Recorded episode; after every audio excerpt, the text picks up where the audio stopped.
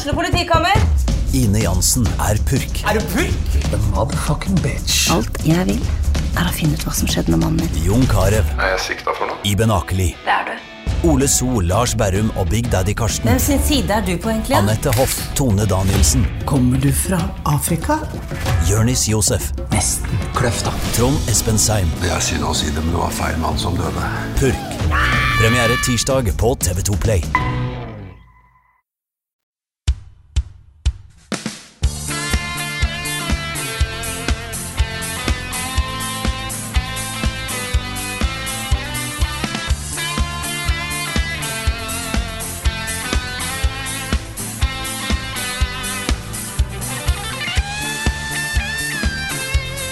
Liker du å levele? Liker du ikke foran og ned? Level Backup, podkasten som lar deg levele bak. Med Rune Fjell Olsen, med meg, Karl Martin Oksnes, og direkte fra Hønefoss, Jan Martin Svendsen. Åssen går det, folkens? Nå ble dette her et veldig annet, eh, en veldig annen podkast, Karl. Ja, det gjorde det. Ja, Det det åpner opp en del muligheter for oss. Ja, det gjør kanskje, kanskje. det. Gjør kanskje det. Det var levering, altså. Det, er, det er fullt mulig å branche ut for Level Up fortsatt. Ikke sant? Så, så det. Nei, men, eh, men går det bra med dere, folkens? Frida er jo, eh, er jo utenlands. Det er det. Så vi må klare oss eh, uten, uten henne i dag. Vi har allerede fucka opp med å glemme spørsmålspost, så den kom litt i siste liten. Fort gjort. Fort Ja. gjort. Men Det har kommet inn litt spørsmål, da, så ja da, det er greit. det folk, folk var på ballen, så de har, eh, de har lessa spørsmål over oss, så det går fint. Ja. Crisis averted. Men ja, du er, mm. du er gjest i dag, Svendsen. Vikar for Frida. Yes, sir, Bob. Og ellers så blir det en eh, relativt vanlig episode av podkasten. Ja. ja, Tror det tror jeg. Men vi, vi skal plugge en ting, eh, Rune. Uh, ja, det, det må vi gjøre. Fordi um, på den 20. mai så er det nøyaktig 25 år siden jeg skrev min aller første spillanmeldelse. Og i litt sånn em, em, selvforherligende iver så satte jeg opp da svært liveshow på Eldorado. Hadde lyst til å markere det, eh, markere det eh, med noe litt mer enn å bare si hei, 25 år. og så gå videre. Selv om jeg jo kommer til å gjøre det da, i praksis. Jeg kommer jo ikke til å nevne den 25-årsgreia eh, når det er 25 og et halvt år, liksom. Eller 26. Nei, fordi for 25 år siden så fantes jo ikke Facebook, så da får du ikke engang opp den der eh, You have memories today-greia. Nei, det er faktisk eh, sant. Så da må du lage de sjøl. Shit.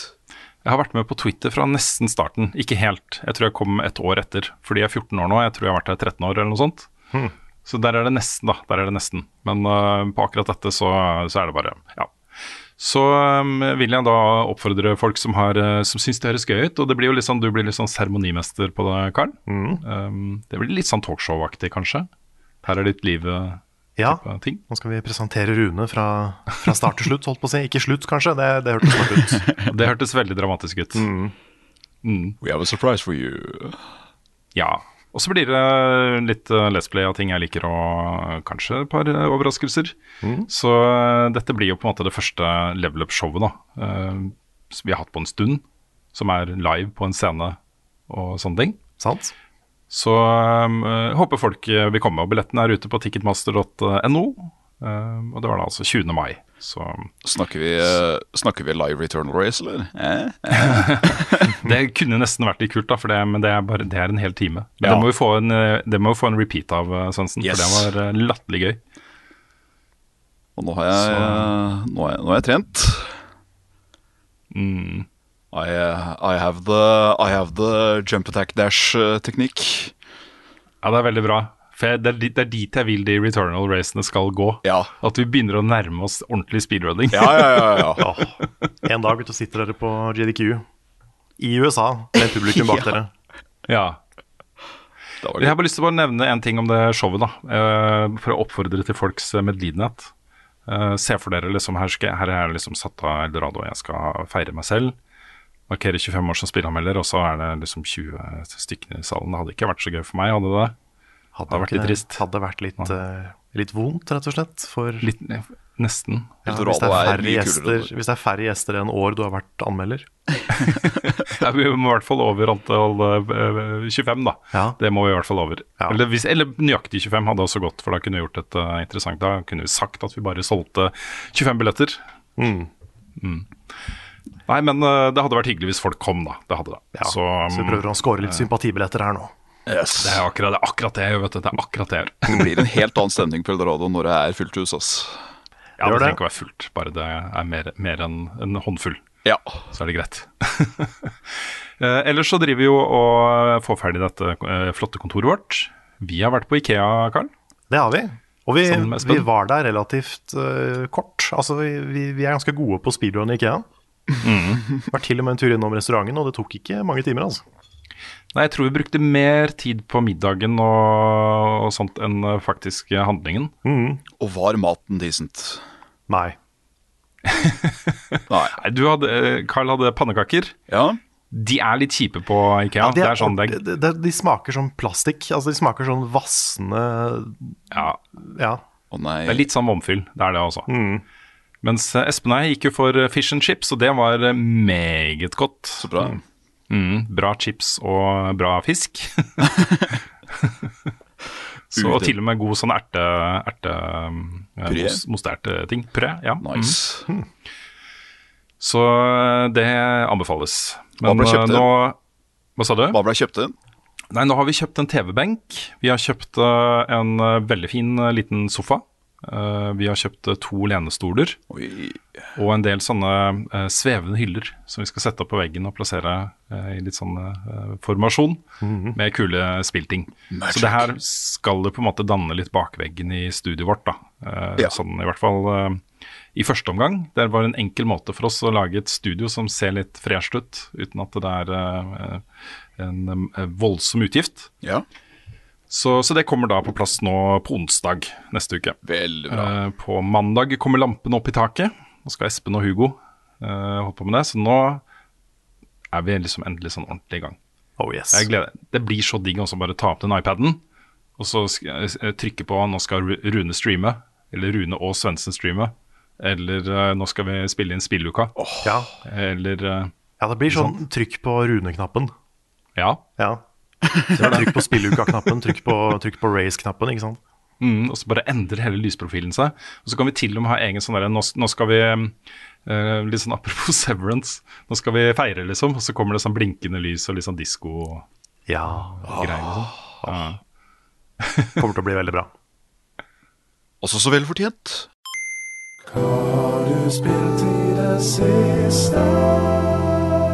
Vi skal snakke litt om hva vi har spilt i det siste, og jeg tar meg den, den frekkheten, den friheten, og, og begynne. For jeg har spilt Det er ikke frekt det da, Karl, når det er et norsk spill. Nei, det er sant. Det er jo på en måte et norsk spill, Ja, samtidig det er som det, det ikke er det. Ja, delvis. Delvis, Delvis. norsk fordi spill. Funcom har jo vært, vært inne med, med Funcom-fingrene sine her. Ja.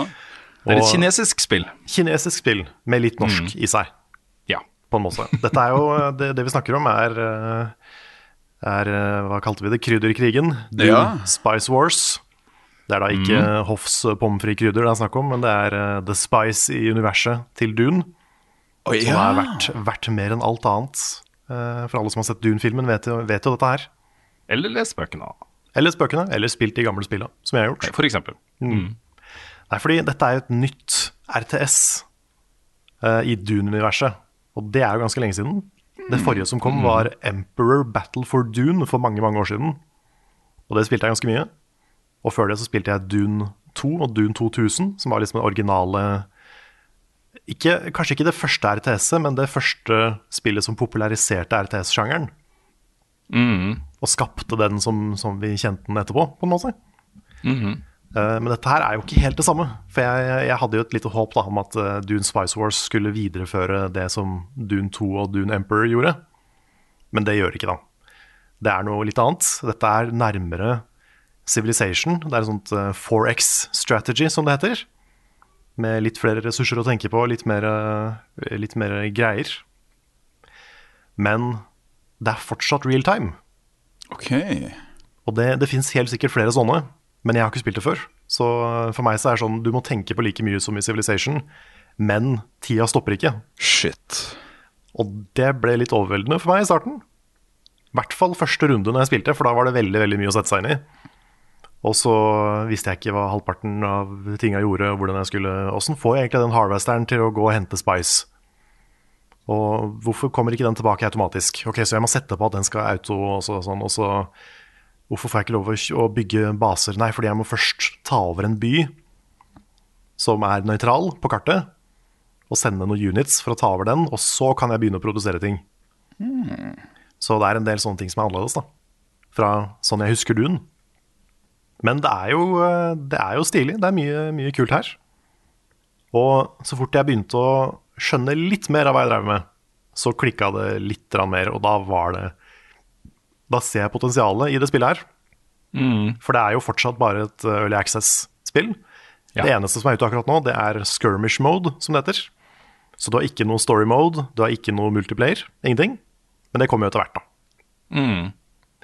Så um, jeg, er, jeg, fortsatt, jeg føler meg fortsatt veldig inkompetent i spillet. Jeg klarer på en måte nå å holde meg i live.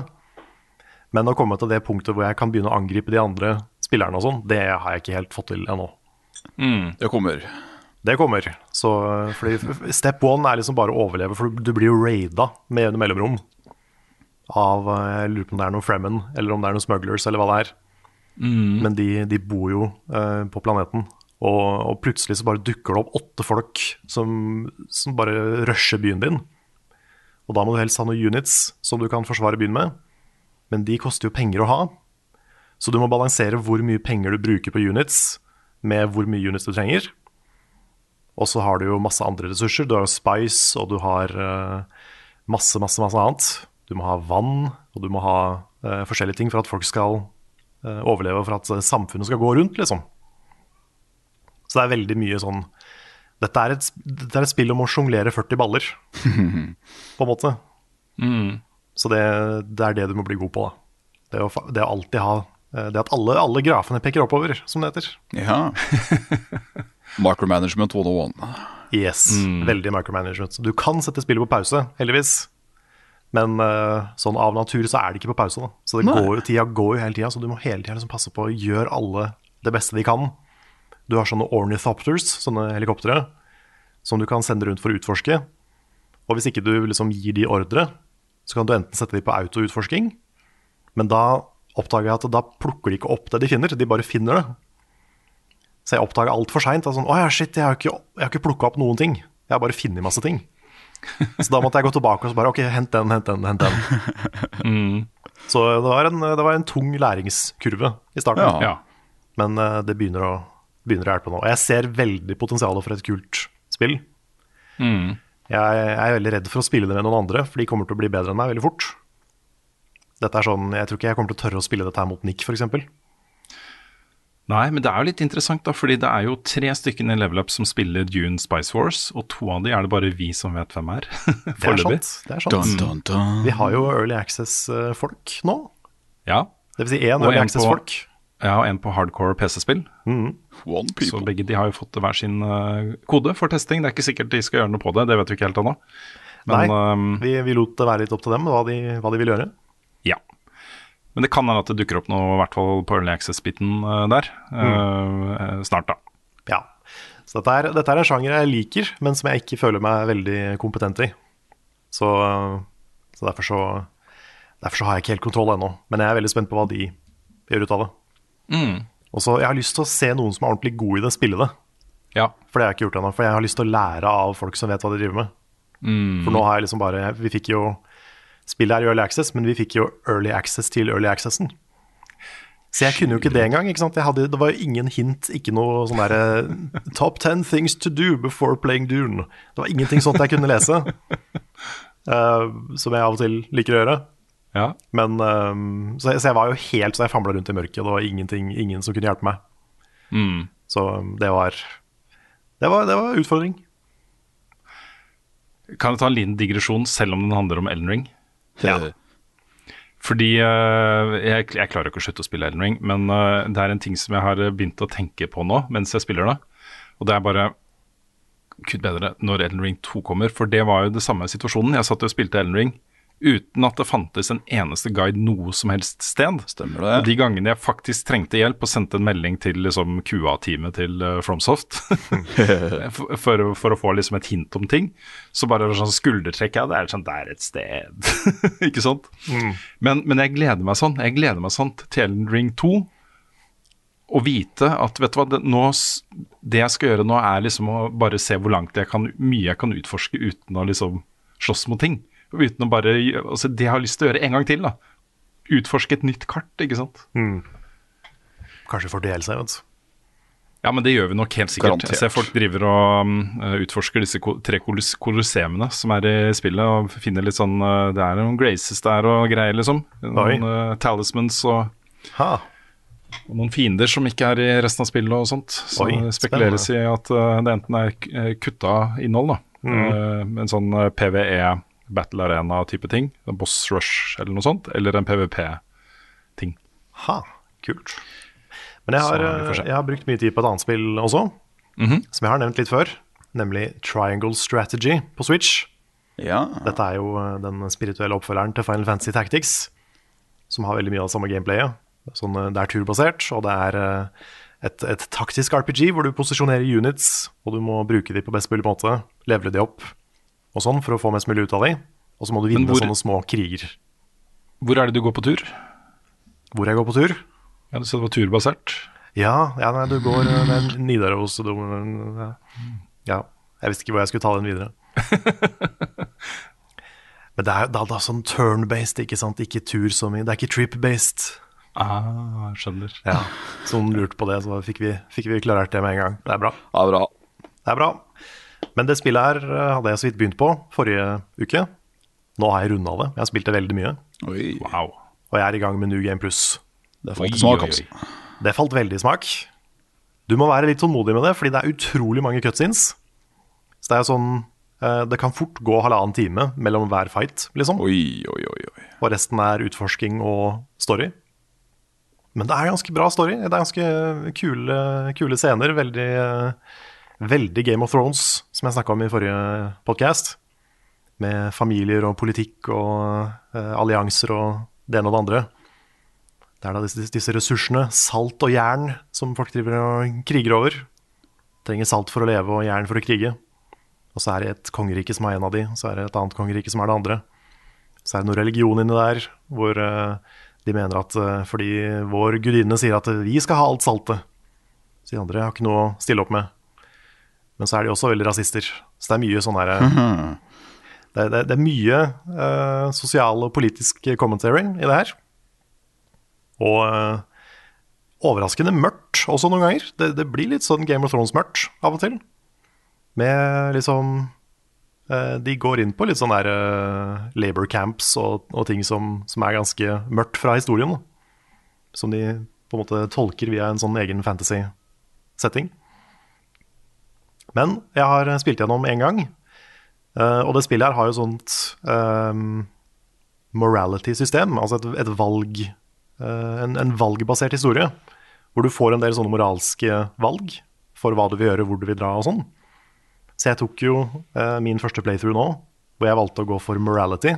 For du har da morality, utility og liberty, som er de tre, de, de tre veiene du kan følge, på en måte. Så jeg fikk da the morality ending. Men eh, hvis du da starter New Game Plus og følger en guide, eller, eller bare eksperimenterer veldig mye, så kan du også få the true ending, som blir kalt for the golden path.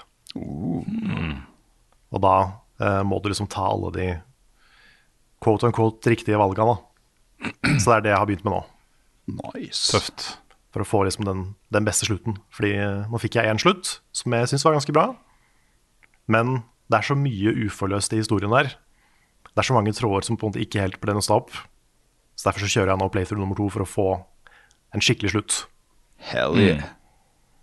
Men uh, det kan anbefales, ass. I hvert fall hvis du er glad i uh, XCOM, Mario Rabbits, alt mulig av uh, den sjangeren. Så ta en titt. Eller triangler. Eller triangler. Eller strategi. Så ta en titt på det spillet her.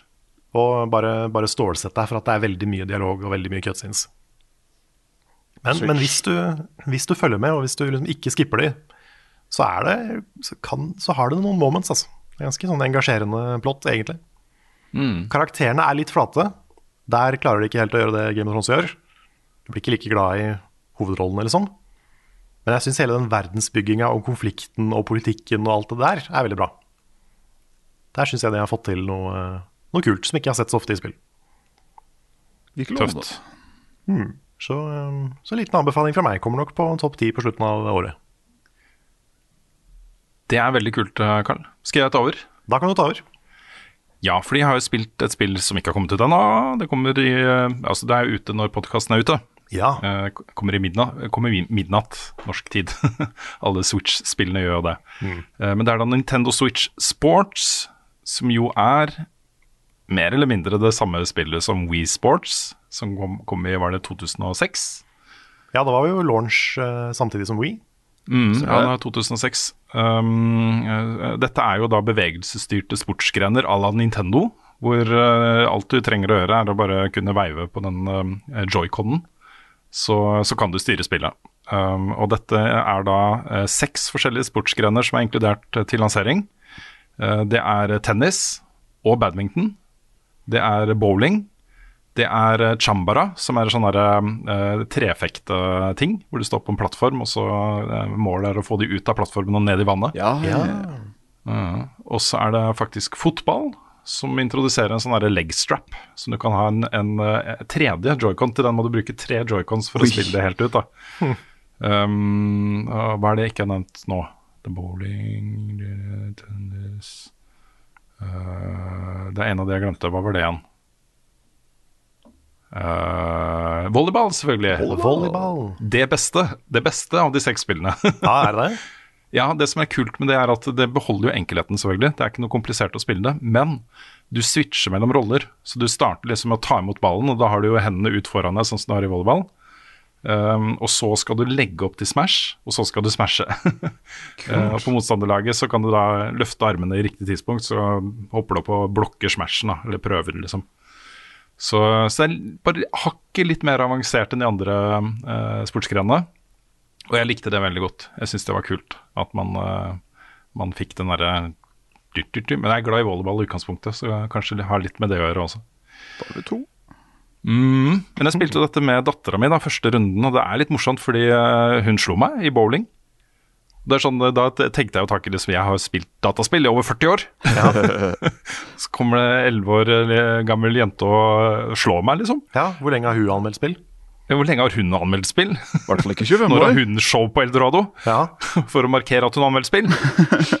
Neida, men jeg, jeg, jeg, jeg syns jo bare det er gøy. Jeg synes det, det er sånn det spillet skal være. Og så er det jo også sånn at, at du kan bli bedre i Switch Sports enn du kunne i Wii Sports. Som Wii Sports var gøy, men det var liksom veldig basert på veiving og litt sånn tilfeldig om du fikk til de skruene på ballene og sånt Ja, ja, eller ja. ikke. Det var ikke veldig teknisk sånn sett. altså, Nei, det, er, det, er det er helt sikkert en speedrunner som kan fortelle oss at vi tar feil her. Men, men Helt jeg, sikkert. Men ja, jeg også opplevde det på den måten. Ja, men joycons er sjukt mye mer presist, og det er sånn man merker det med en gang at her har du full kontroll. Og du merker det spesielt godt i, i bowling og i den sverdkamptingen, fordi um, her Altså, blokking og slag med de tresverdene er liksom sånn Du må ha på en måte sverdet i riktig vinkel for å blokke på en måte sånn at de blir stønna. Eh, og der er det litt nyanser. Altså, det er ikke bare 90 grader eller 180 grader eller eh, også hvis, hvis eh, sverdet som kommer mot deg svinges i en vinkel, og du klarer å blokke i liksom nøyaktig kryssvinkel på den, så blir de stønna, ikke sant. Så det begynner å bli en del litt, litt mer sånn avanserte måter å, å spille på, da. Så jeg, jeg syns dette er kjempebra. Jeg synes det er kjempebra. Dette er et sånt spill som, eh, som oppfyller på en måte den samme funksjonen som eh, Wii Sports gjorde. Det er, her er det ene spillet du kan ta fram som alle kan sette seg ned med og, og kose seg med. Med mindre du da har eh, bevegelsesnedsettelser i arm, ikke kan bruke armene. Så um, eh, kan, du holde, kan du svinge på armen, så kan du spille det spillet. her. Og jeg syns det er kult, altså. Det er en sånn ting som jeg ikke er lei av, på en måte. Ja. Nei, da, da skal jeg ta det med hjem til sommeren, og så skal jeg få mamma til å spille det. Fordi det, første Wii, fordi det første Wii Sports er et av de få spillene, et av to spill jeg har fått mamma til å spille. Jeg har jo anmeldt dette spillet på NRK, gir det terningkast eh, fem. Uh, Syns jeg den var litt sånn åpenbar. Um, så bra er det spillet. Eh, det er jo et par ting som jeg En ting som jeg må nevne, det er jo at dette funker jo ikke på eh, Switch Lite. Du må Nei, ha den, for du må ha- du du må må ha den stasjonær. Den må styres med joycons.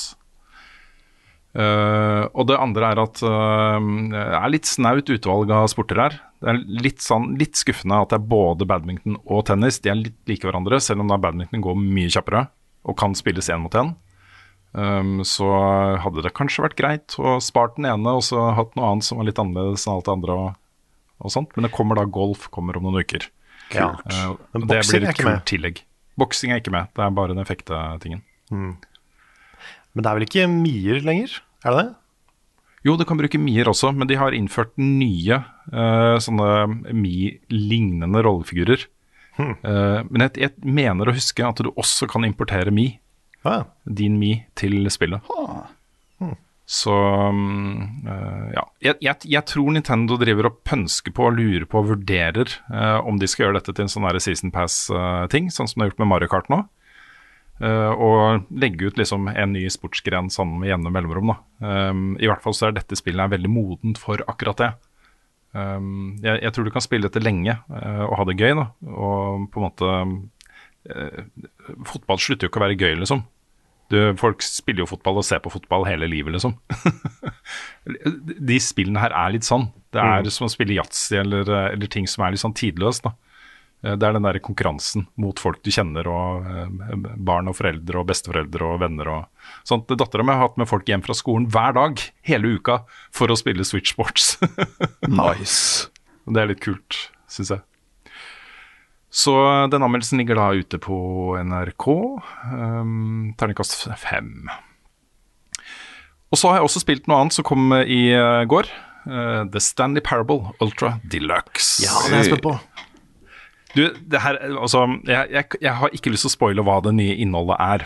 For det må folk få lov til å oppleve på egen hånd. Uh, det jeg kan si, er at jeg spilte en god stund, og spillet var helt likt. Um, jeg, jeg tror kanskje jeg var borte en time, men det jeg gjorde, var at jeg tok liksom en av de historiene, og så prøvde jeg flere varianter av denne hva skjer når jeg endrer. ikke sant?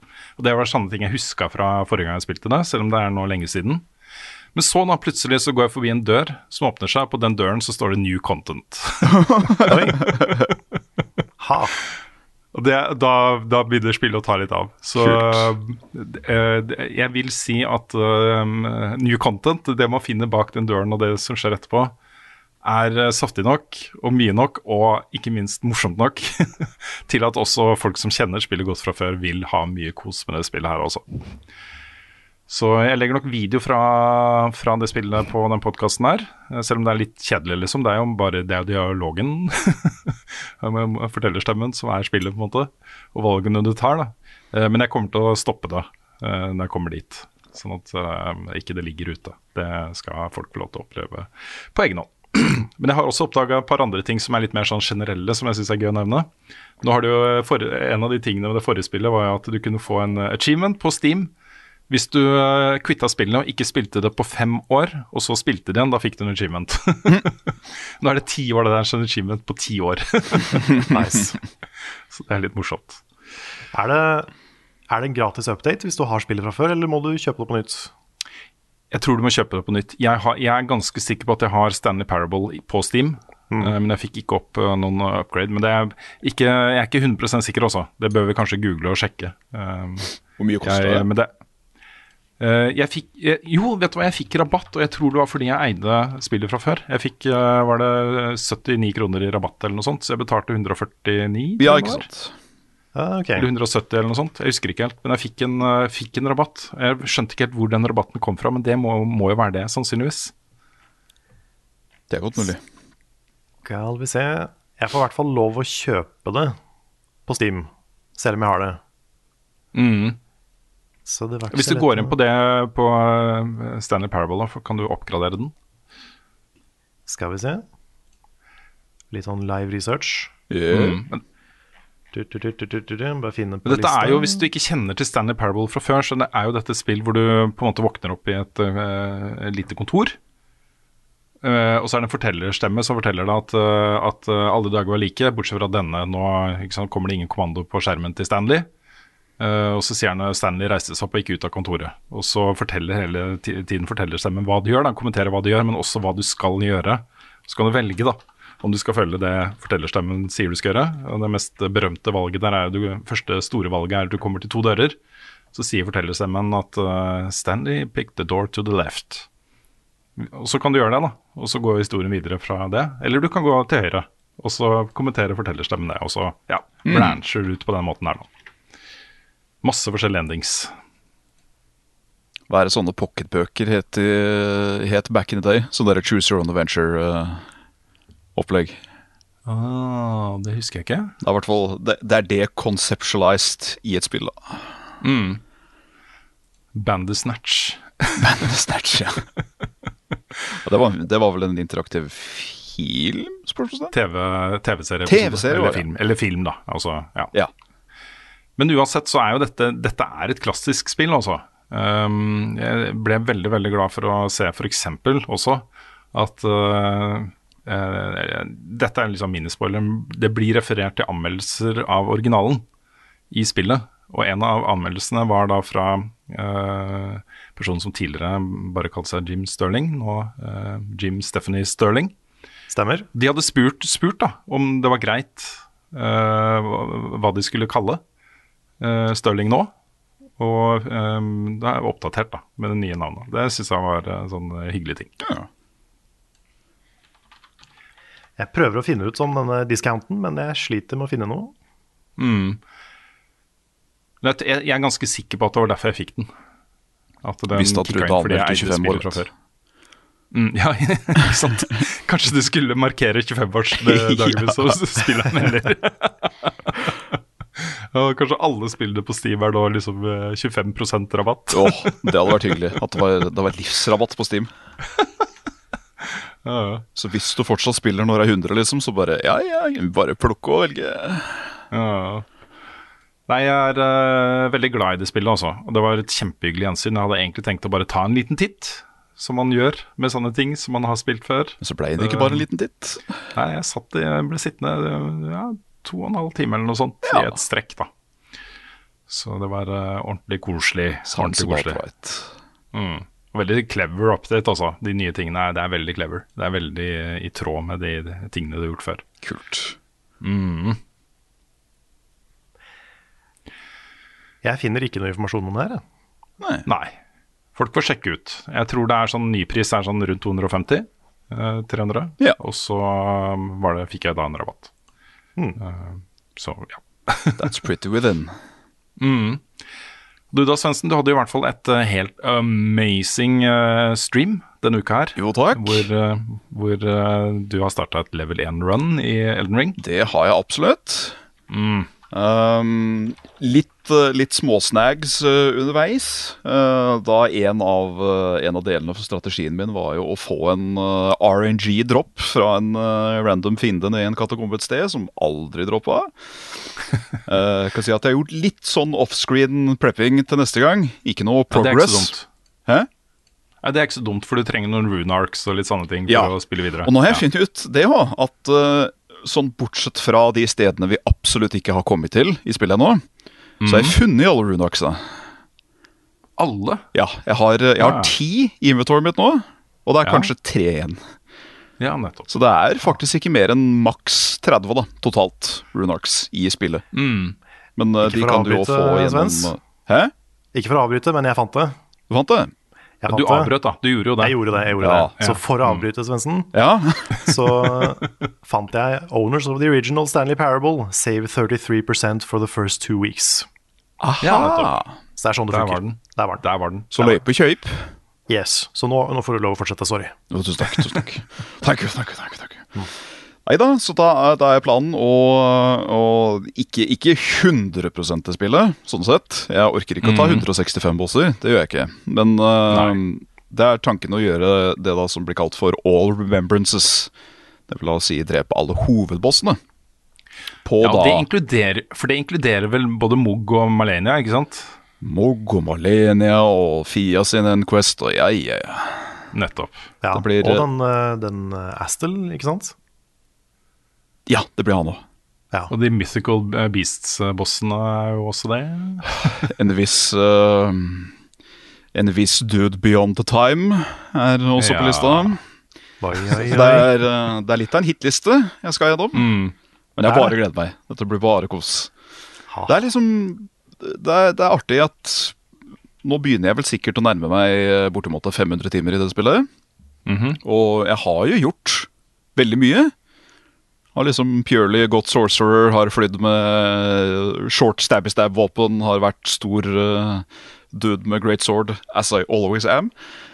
Men det å spille det på level 1, at du er så uh, Du har jo bare ti i stats base. Du kan ikke gjøre noe med det utenom uh, runarks og talismans og noe, noe gear. Så da må du liksom tenke helt annerledes. Da. at Ja, hvordan skal jeg få dette til å gå opp? Mm. Og, uh, I, I've, I've perfected my strategy even more offscreen. Så nå, Åh, herlig. nå blir det, det blir mye mindre stress å spille det fremover. Ja. Oh, jeg gleder meg. Det var, det var sykt gøy å se åssen du tok de, eh, noen av de siste bossene du tok forrige gang. Ja. For det, det blir jo ikke lettere det her jo lenger du kommer. Nei, jeg er jo på en måte på mitt sterkeste nå, selv om det er fortsatt en 10 pluss level igjen på våpenet. Så er det sånn Våpenet mitt er veldig sterkt i henhold til hvor content det er akkurat nå. Men uh, ja, når det sverdet endelig kommer til øh, 25, da, hva skal jeg gjøre da? ja, da går jo ikke den mer. Nei, da er det bare the skills to pay the bills. Vi får håpe jeg har det. Altså i første, egentlig, egentlig helt opp til eh, det der store midtpunktet hvor, eh, hvor eh, ting skifter litt, Ja. så, så tåler du to-tre treff fra bossene uh, før du dør. ja. Men etter det, alle bossene etter det, så er du one-hita. Uh, og det gjelder også det type Malenia og Mugg og de kjipe greiene du skal inn, inn i der etterpå, liksom. Den Det er to fights jeg er uh, veldig, veldig redd for, rett og slett. Eh, sånn bortsett fra siste bossen, selvfølgelig. Uh, så er det den notoriske duoen. Ja. Og så er det, er det hovedbossen i Faromasola. ja, det også blir pyton. Ja. Men da, da er det på en måte litt mer fair igjen på en måte. Fordi uh, Mr. Beastie Boy Meow Meow, han, han er jo en glass cannon, han òg. Så det passer jo for så vidt fint. Han tåler jo nesten ingenting. Men han øh, Å, gud. Bare han nyser på meg, så er jeg dau. Så Ja, det, der, det her kommer til å bli kjempegøy å se på. Det er veldig gøy å se på og spille level 1-run. Jeg også uh, gjør det. Ja, du er jo du, du har kommet til den notoriske duoen, så du Ja, ja, ja. Og det er, øh, det er noe helt eget også med den følelsen av å liksom være så soft. Ja. Å gå inn i bosskamper og inn i områder, egentlig. Og så Jeg har vært i om- områder hvor jeg bare rir bort, og så plutselig så dør jeg fordi det har kommet noe som har sneia borti meg. liksom Noe som har skutt en pil eller et eller annet. Ja, ja, ja. Og det, er, det, det legger et lag på opplevelsen som er veldig intens. da. Ja, det, det gjør på en måte at du går inn i skutt og si pluss ultramode, uh, Dragon Ball-style. At du, du må jo på en måte perfeksjonere kamper for at det skal gå bra. Uh, så jeg håper det Så um, Jeg håper det hjelper meg på Queen Bitch. At uh, rett og slett bare nå, nå er jeg zen. Nå er jeg zen. Ikke sant? Um, Det som jeg også liker da med, med den måten å spille på, det er eh, den der item management-biten av det. Ja, ja, ja. Altså det å finne riktig talismans, finne riktig gear, finne riktig våpen, riktig weapon art, riktig eh, spirit summon. Altså ting som Du bygger en bild da, i mye mye større grad enn måten jeg har spilt det på før. For jeg brute forcer meg lett gjennom sånne spill som dette her. ja, ja, ja. Så, men nå må du være taktisk, liksom. Du må det. Og så har jeg funnet at eh, liksom pathen til der jeg har kommet så langt, har bare vært veldig gøy i seg sjøl. Og sånn halvveis optimalisere en rute for hva du skal plukke opp. Og sånn som at eh, jeg drepte den svære pushekatten i Fort, uh, Fort Gale. Og da var det veldig greit å ha den ene flammeæsjehåren som er rett utafor. Mm. Det er, eh, det er mange, mange veier til rom. Det er det. Det er det, altså. Jeg merker at jeg gleder meg veldig til å teste den derre item and enemy randomizeren. Ja, ja, ja. ja. For det ser gøy ut. Jeg, jeg, jeg så et klipp her i stad. I stedet for, stedet for å slåss mot Margit, så dukka jo Radan opp. Ja. Ja. Og når han drepte Radan, så fikk han en secretary. Og det var sånn hmm, Sier du ja? Spennende. Altså, det blir bra. Så da blir det, Det blir mer av det det fremover. Eh, det blir nok det hovedspillet jeg streamer, i hvert fall frem til det runnet er ferdig. Mm. Jeg har jo et eh, Jeg har lovt bort et Torch On-run også. Ah. Men det, mm, det Det blir seinere. Jeg skal ha et mellomspill i, imellom det. Det høres greit ut. Så det er det. Ellers så har jeg jo ikke spilt så forferdelig mye nytt, men jeg har spilt uh, nytt content i gamle spill. Eller kan jo egentlig ikke si at noen av disse spillene er gamle per se, men uh, kan du ta det minste først? Dette her er Vampire Survivors, som jeg så vidt spilte litt på komplettstreamen. Som bare er uh, kaos, drep alt, upgrade, vær så god. Det er, altså, jeg er så imponert og så glad i det lille knøtteamet som har lagd det spillet. Fordi det spillet koster jo vel faktisk 30 kroner på stream på Steam. Men de kommer jo med ukentlige oppdateringer. Og det er liksom ikke bare sånn overfladisk updates heller. Det er liksom, det er nye brett, det er mange nye characters, det er nye items å få. Uh, til og med en form for storyline er blitt introdusert nå. Jeg tok Oi. eh, den siste banen jeg hadde funnet i går, og uh, det er jo sånn i Vampire Survivors Går du mot venstre, så til slutt vil banen loope. Så at du kommer i ut igjen på høyresida. Eh, men de to nye banene er jo faktisk de, de har liksom bare en ekstremt svær lengde og bredde. Så du fikk en quest på den ene, og da skulle du fra toppen og hele veien ned. Og jo lenger og lenger ned du kom, jo verre og verre blei fiendene. Så det var sånn jøss! Yes! Nå begynner vi er allerede å bygge ut forbelen. Så da, da kan man spille som en uh, Spille som en vampyr, man kan spille som en bjørn, og man kan spille som en bikkjevov. The Three Factions, vampyr, bjørn og bikkjevov. Yes. Jeg likte veldig godt den ideen om at uh, du hører, du leser liksom et, et, et fantastisk epos om en gammel mann som hadde mestret the ancient uh, Christian magic liksom fra latinalderen. Og bare mindblaster sånn legioner på titusenvis av vampyrer. Og så får du se spillet, også. Å oh, ja. det var sånn det så ut. uh, og så helt til slutt så har jeg nå uh, spilt meg Vel, du kan jo aldri spille deg helt igjennom, men jeg har quote on quote runda eh, Tower of Sisyphus i Returnal. Du har det, ja. Kult. Oi. Det har jeg. Jeg har, eh, jeg, det, det står så veldig på lista mi, altså, for jeg har bare spilt ett run der til jeg døde. Altså, det- Ikke fortsatt på det etter det. Er så gøy. Jeg, eh, jeg tok og testa ut Coop-biten med, en, med en kamerat. Hallo, Daniel. Uh, og syntes det var kjempegøy. Uh, det blei litt lett, på en måte. Ja, det vil jeg tro. uh, for greit, fienden er scala opp litt, men hallo.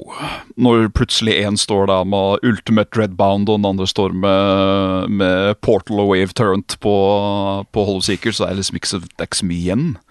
Nei. Anten at vi, vi kom til Klemmetis, og enten så er han gjort vanskeligere på gjørs via Coop, eller så ble han bugga.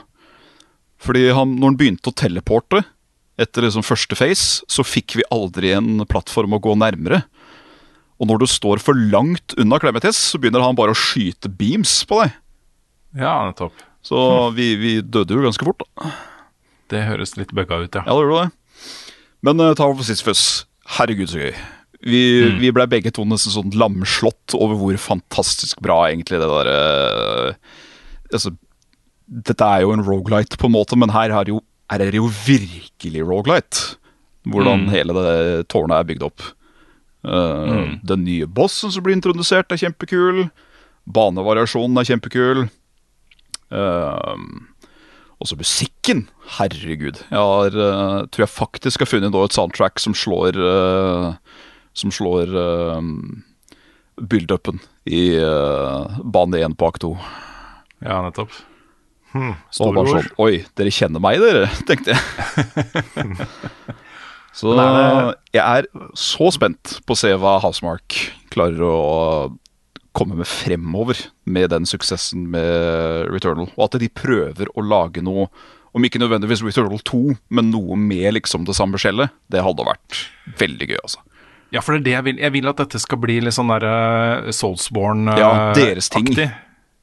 Ja, deres ting, liksom. Ja. Og så tilby på en måte Rogue-light-opplevelser i forskjellige typer universer med forskjellige typer regler og våpen og sånne ting, men hvor du beholder liksom eh, hjertet, da, som er bullet hell, og det Ja, er ja, ja. vanskelig, og det er Ikke sant? De tingene der, da. For det Men med hva er, det du de, hva er det de gjør for å på en måte runde Tower of Sisyphus? Er det bare å på en måte unlocke alle cutscenes, unlocke alt som Ja. går an å unlocke, eller? Du, du, får, eh, du får muligheten til å få et par nye endings. Og så eh, er det jo da en Det er en main boss. Um, og det er da eh, Det er jo delt opp i, i floors, men også i faser. Så da fase 1, floor 7, for eksempel. mm. Og da er det 20 floors per fase. Ok. uh, og jeg tror liksom ikke den endless-molden i, uh, i det tårnet begynner før du er på pass 4. Så du har i hvert fall 60 floors da, som du må komme deg gjennom for å quote unquote ta runda det. Jeg så da det kommet til Face 50, floor uh, 17 og sånn. Jeg sitter der og bare Ja, ja, fikk, fikk 5-6 millioner i score, det er kult. Så går jeg inn på highscoren og så ja, 125 millioner, ja. Yes, greit. Litt Så igjen. der, og, der, der, blir det, der blir det unødvendig vanskelig etter hvert. Men eh, litt sånn som med alle typer rogelights. Har du fått riktig våpen og du har fått skikkelig gode eh, upgrades, så, eh, så kan du bli tatt ganske langt bare ved, bare ved det, altså. Ja, for du spiller det på samme måte som i singleplayer, hvor du, Du du, får, du får de der overlights som du kan kjøpe upgrades for, og det er random hva slags upgrades du kan kjøpe. Våpen som dropper er random, osv., osv. Problemene blir liksom når du møter da et floor der hvor det er eh, Det er én sånn derre Kembo Squid som flyr rundt i lufta, mens det spåner inn fem Vollens. Ja. Da er det sånn mm, ja. Nå er det ikke lett å se lenger hva det er jeg skal. Niks. Ha, jeg må tilbake til Returnal, ass. Ja, du må returne til Returnal. Jeg må, jeg må Returnal til Returnal. Det, jeg savner det spillet. Det er det første jeg skal gjøre når det ikke er noe annet å spille eller anmelde. Gjør det. Det er så kult.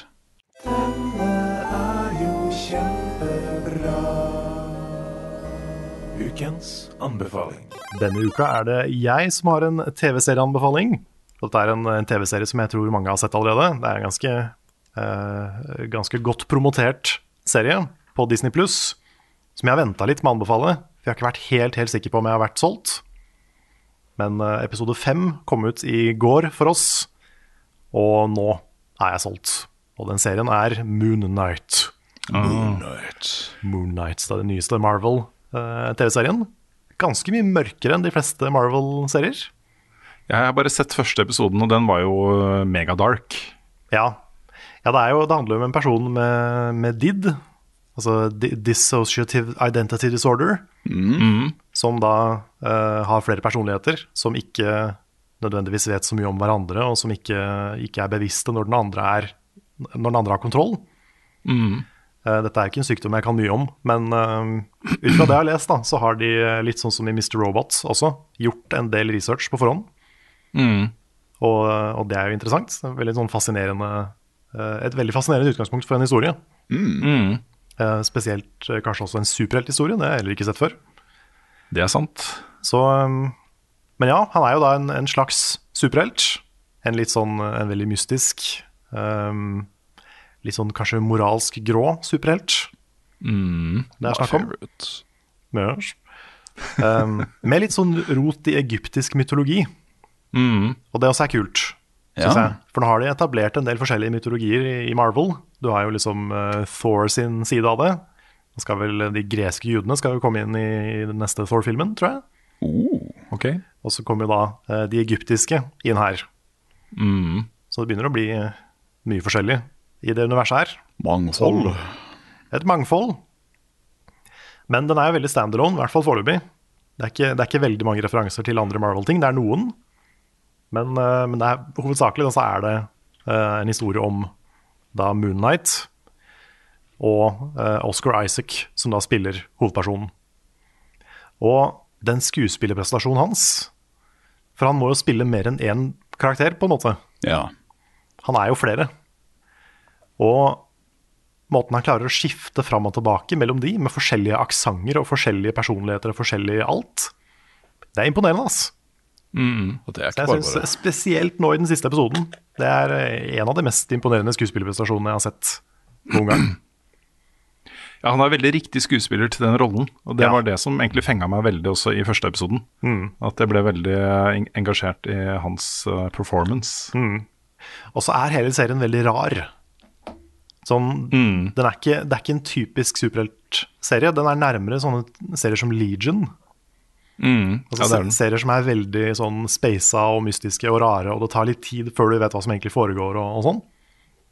Ja, den, den, den er litt sånn forlengelse av uh, Eternals. Det å utforske som andre deler av eh, Marvel-universet som kanskje har noen krysningspunkter, men som på en måte representerer noe nytt. da. Mm. Så um, veldig anbefalt. Hvis du, hvis du ikke er helt fenga av de første episodene, selv om de også er veldig kule, så uh, se opp til episode fem. Det er jo nest siste episode, så har vi egentlig sett hele serien. da, Nesten. Men uh, for den siste episoden, episode seks, kommer neste uke. Nice. Og Da skal jeg få sett. vet ikke om de har uh, sagt om det kommer en sesong to eller ikke. Men uh, det er i hvert fall slutten på denne sesongen her neste uke. Så check a look. Check a look. Det er en ting som kan tyde på at det kanskje bare blir en sesong, og det er at han skuespilleren han er liksom en, en kinofilmskuespiller. Mm. det samme gjelder jo Ethan Hawke, som også har en sentral rolle der. Eh, nå har jo TV-serier fått mer anseelse de siste årene, men, har det. eh, men eh, det er fortsatt et skille der, da. Ja, sant. Men det kommer jo sesong to av Loki, da. Der også er det jo mye filmstjerner. ja da, det er jo det. Det er det. det, er det. Um, greit. Jeg har også et par sånne sideanbefalinger som jeg har lyst til å, å nevne. Uh, først så lurer jeg også egentlig på Du sier at de tar inn liksom andre guder og sånt. Så jeg lurer på Er det plass til hans gude, den kjente norske maleren? Ja, kanskje det. Kanskje han er neste. På en liten trilogi. Kanskje. Ja. Liksom Bruddeferden i Hardanger og litt. Ja, ja, ja. Det, liksom, ja. Men den, den er Eh, basert på en hendelse i Tønsberg. Jeg har lyst til å eh, forlenge en anbefaling som Nick kom med for noen uker siden, og det var Severance. Severance. Hvor jeg da liksom Ja, Severance. Ja, fordi han var bare sånn Dere må se den, dere må se den, dere må se den. Og så så jeg liksom de første par episodene. Syns det var litt treigt, kom ikke helt inn i det. eh, og så gikk det et par-tre uker, og så eh, så jeg en episode til. Og da var det sånn Nå måtte jeg se alt, så da ble jeg sittende liksom til langt på natt og bare ja, ta en episode til, da. Ja. ja, ja. Nei, men Nick hadde helt rett. Ja, fytte rakkeren, ass. For en serie. Ja, den er helt amazing. Og det er litt sånn Det er som å se en sånn derre eh, Veldig sånn turbo-semitrailer. En sånn svær trailer. Starter, liksom. Det går litt sånn treigt i starten, men når den først setter i gang, liksom, så pløyer den liksom personbiler og alt bare ut av veien, og det går bare så fort, da. Ikke sant? Og er så massivt. Og det trykket på slutten her, siste tre episodene eh, ish, er altså så bra, og det er så mye kule plot twists og historiefortelling og rare, rare elementer og science fiction-ting som, som man ikke har helt taket på, osv., osv. Da. så, så det er blitt en ganske stor favoritt, altså, den serien der. Ja, så er det en sånn serie som ikke du får ut av huet, føler jeg. Ja, helt helt For du enig. begynner å tenke på det konseptet, altså den eh, sånn filosofiske greia som de leker med i den serien. da. Mm. Og det setter seg, altså. For det er, er en sånn sosial commentary på dette med liksom eh, arbeidsliv kontra privatliv. Gren, Mm. Grensene mellom de. Um, crunch og altså, hva som forventes av en arbeidstaker. Mye sånne ting også. da. Ja, altså også en utforsking av eh, hva er, hva er en sjel, liksom. Hva er et menneske? Eh, hva slags uh, um, type um, Altså på, på hvilket punkt slutter da på en måte den spalta menneske å være et menneske, liksom? De blir jo ikke behandla som mennesker. Det blir jo bare behandla som maur, liksom, som Mm. sitter og plugger. Og det også er jo en kritikk av virkeligheten. da. Sånn, Ja, det det. Hvordan mange blir behandla på jobb. Mm, ja, den er en veldig smart serie. Den, er, ve- den, den treffer på så mange forskjellige måter, så den eh, ble jeg fryktelig glad i. Og så har jeg lyst jeg, en, en av de jeg respekterer aller mest akkurat nå, og det har jeg tenkt ganske mye på, det er den eller de som sitter i Apple TV pluss og greenlighter serier og velger manus og ting de skal satse på og sånne ting. Mm. Gud bedre også, det er så mange gode serier på Apple TV pluss nå. Uh, mange av de beste tingene jeg har sett i nyere tid, er der, liksom. Det imponerer meg altså. Det imponerer meg hvor, uh, hvor dristig det har vært i valg av uh, både temaer og sånne ting. Man kan jo også se Lumens, også dette selskapet i, i Severance, som en slags parallell til sånne selskaper som Apple. Ja, det kan du si. Men, men? Ben Stiller Ja, Jeg hadde ikke trodd at han drev med sånt. nei, men det gjør han. Han gjør det. Veldig, veldig bra også. Han gjør det veldig bra. Jeg må også si at han som spiller han eh, sikkerhetsvakten i Ja. Severance, det er Yes. kanskje den mest creepy eh, skuespillerprestasjonen jeg har sett noen gang. Den er veldig, veldig, veldig god. Den er veldig bra og utrolig ekkel. Mm. Det er sånn Uncanny Valley i skuespill Yes. med vilje. Ja. Det er så ekkelt, men så kult. Nei, se den. Og så har jo også, jeg må, bare, jeg må også nevne at Better Call Saul, siste sesong, har jo starta. og det er litt som å komme hjem også, etter å ha sett eh, Breaking Bad to ganger. Og uh, flere av sesongene i Better Call Saul har jeg også sett flere ganger nå. Uh, El Camino. Det, hele dette universet er liksom, det å komme tilbake til dette universet føles veldig godt også. Dette er også veldig, veldig bra TV. Så der gleder jeg meg til å følge fortsettelsen. Der er det bare én episode i uka. Så bare sett den første episoden foreløpig. Men jeg kommer nok tilbake til den eh, i løpet av eh, sesongen, tenker jeg. Jeg tror det kommer noen episoder nå, og så er det en liten pause, og så kommer resten av episodene eh, til sommeren, tror jeg.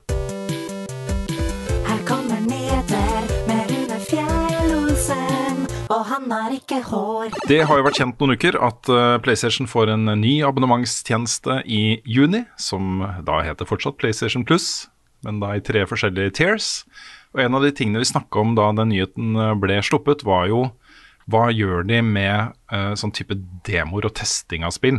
Um, fordi de kommer jo ikke til å tilby de store, store, de største PlayStation-titlene uh, for fri bruk til PlayStation Plus-abonnenter fra dag én. Kanskje det kommer seinere.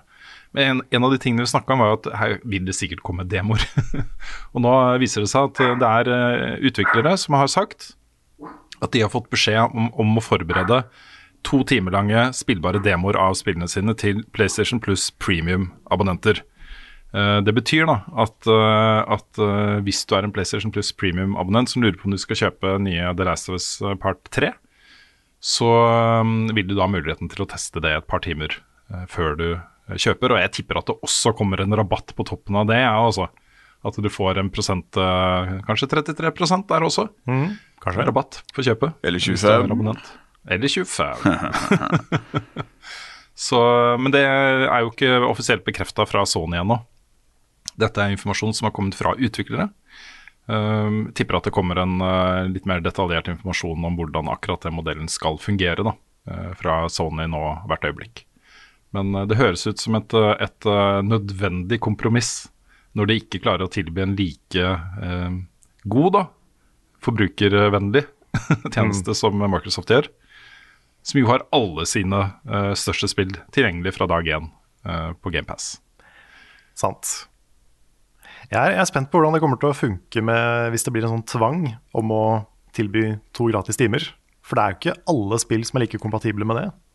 Nei, det er jo ikke det. Det er jo uh, mange spillsjangre hvor ikke det hadde funka noe særlig bra. Journey er vel bare et par timer langt. Ja, Men var, var det snakk om at det bare var fullprisspill som måtte gjøre det, eller var det alle spill? Nei, det vet jeg ikke. Nei, jeg har hørt litt forskjellig. Jeg har også hørt litt forskjellig, og jeg tenker at det er greit å eh, vente litt på offisiell informasjon på alle de sånn nitty-gritty detaljene. Men Mm. jeg er helt sikker på at uh, dette stemmer også, så um, at i hvert fall noe, noe får det. Ja. Jeg vil tippe i hvert fall alle Sonys egne ting vil nok få det. Mm. Eh, det, er, det er jo et slags plaster på såret da, eh, til de som velger den tjenesten kontra da GamePass. Ja. ja. Hvis du spiller Triangle Strategy i to timer, så får du bare cutscenes. Ja, Får ikke begynt på spillet. nettopp. Ja, det er, det er noe der. Vi uh, snakka litt om Stanley Parable og eh, et, eh, et utall forskjellige eh, slutter tidligere i episoden. Eh, I juni kommer også The Quarry, det nye spillet til eh, Supermassive, utviklerne av eh, Until Dawn. Fy fader, jeg Det gleder meg. ja, det skal ha da 186 unike slutter. What? 186. Mange av de vil nok være nyanser. Ja, for det høres ut som PR-spikk. De, de gjør veldig, veldig det også. De, de kan jo ikke ha unikt animerte slutter, på en måte. Nei, det kan de ikke. Men øh, det sier kanskje litt da, om at her er det en del valg du må ta underveis. Det er ikke sikkert de nødvendigvis dør, men kanskje de mister en arm, eller kanskje de Ja, sånn, ja. Your clothes are red now. Ja, I'm, a magician. uh, men det gir jo litt mening, da, fordi du har jo denne gjengen med, med kids som er på den sommerleiren. Og hvis alle kan overleve, og alle kan dø, så er det ganske mange forskjellige kombinasjoner av de Så da blir jo mange slutter automatisk. Ja, ja, det gjør det. Jeg, jeg har i hvert fall, eh, Nå er ikke jeg så god i hoderegning av matte, avansert matte, for dette er ganske avansert matte med sannsynlighetsberegninger og sånt, og variabler. Men eh, i hvert fall halvparten av de sluttene tipper er noe sånt, da. Ja. Med forskjellige kombinasjoner av hvem som overlever og, dø og dør. Men det er Men, imponerende mye variasjon i de Dark Pictures-spillene. Altså. Mm. Det er så mange altså, Da Nick og jeg spilte det, så trodde vi på en måte vi hadde funnet fram til hva kan skje, hva kan ikke skje. Men så etterpå så gikk vi på YouTube og så fant vi sånn Oi, han kan overleve! Han er ikke en hovedperson engang. Og, så, og det kan skje. Og der trodde vi at ikke vi hadde noe valg, men så hadde vi det. Mm. Så det er mye sånne skjulte ting i de spillene. hans. Ja. Så det er veldig kult. Ja, det er kult. Et uh, spill som kom ut rett før uh, det andre spillet som vi har snakka om nå uh, hver bide uke siden det kom ut, og som vi fortsatt spiller, eh, var jo Shifu. Oh, yes. Eh, Dette kung fu-film, Hongkong-film, action-spillet, som også er en rogelight. Ja, damn fine game. Damn fine game, og du anmeldte det også til var det åtte av ti, Sansen? Stemmer det? Eh, de gikk jo for noen uker siden ut og sa at det vil komme noen oppdateringer til det spillet, og nå denne uka her så kom det en roadmap for disse oppdateringene. Og Den første oppdateringen kommer allerede nå 3. mai, Oi. eh, og det blir da med tre vanskelighetsgrader. Du har student, disciple og master. Oi. Så det, det, er, det er den oppdateringa har jeg venta på. Ja. ja, for da er Disciple den vanlige. Disciple er normal, liksom, og så student øh, vil jo da være lettere enn den som er ute nå. Og så vil master sannsynligvis da være vanskeligere enn den som er ute nå. Det, Det er sånn jeg tolker det, i hvert fall. Ja, For det, det spillet er vanskelig.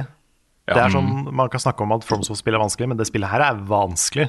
Ja. Ja, det er vanskelig. Og det er mer intenst enn alt annet jeg har spilt. Jeg har aldri hatt så høye skuldre og så stive skuldre som etter at jeg har spilt Sifu. Jeg fikk så vondt i nakken under hele Ja, gjennomspillinga ja, det av faktisk Sifu. det satte seg liksom nakkeknuter Ja. av det spillet. Så det burde folk kanskje være litt bevisst på. Men, eh, men ja, det er jo Hvis man ikke orker det, så er jo en easy mode ganske ålreit i det spillet. ja, absolutt. Jeg, jeg, jeg skal spille student, og øh, skal ikke skamme meg over det i det hele tatt. Nei, Ikke gjør det. Ikke gjør det. Sånn, uh, sånn type gatekeeping, det er noe av det teiteste jeg vet. Ja, ja, ja. Men da, Svendsen, apropos hardcore. Ja. Eh, til sommeren kommer det en oppdatering som, uh, som jeg tror kanskje kan være verdt av en, en ny Svendsen-stream. Ja. Eh, det kommer nye scoring og gameplay modifiers. Og en av de er å spille gjennom uten pendant. Og det betyr jo at at du ikke kan dø. Oi. One shot, one kill. Ja, permadeath, basically. Permadeath, basically. At det høres kult ut. Ja, for du, du kan jo Hvis du fortsatt får checkpoints på slutten av en bane, så er det fullt mulig. Ja da, det, det gjør du nok fortsatt, Ja. tipper jeg, da. For jeg har, jeg har kommet til siste bane som eh, 20-åring, liksom. Mm. Men jeg klarer ikke siste boss uten å dø. Det er jeg ikke. Nei. Nei. Nei, men det kommer da også en del andre modifiers. Jeg tror det kan bli en, en del morsomme sånne type speedruns og playthroughs og måter å spille på som, eh, som er litt gøy. Det, det I det hele tatt gøy å se det eksperimentere litt med en formel som i utgangspunktet virker litt strammere, hvis du skjønner hva jeg mener. Ja. Også dette er en ganske regissert opplevelse med uh, bossene er på samme sted og fienden er på samme sted, og du har en story du følger og de tingene her, liksom. Ja, det er en Plutselig moderne Double Dragon uh, Streets of Rage. Ja, ja, det er det der. Det er det som gjør det så Um, vanvittig kult òg. Altså, jeg kan uh, Jeg ser veldig ofte på uh, speedruns av spill jeg syns virker liksom interessante, men jeg har nødvendigvis ikke noe sånn kjempeinteresse av å spille det selv. Akkurat som at jeg er så ferdig med å spille League of Legends, men jeg elsker å se på pro-kamper av det allikevel. Og jeg tror vel siden jeg så mitt første speedrun av Sifu, så har jeg sikkert sett sånn 20 av de. Ja. Og det er bare så gøy å se en vel gjennomspilt variant av Sifu, for det er som å se på en film. Ja, det er det. Hvis man bare ble så flink selv. Ja.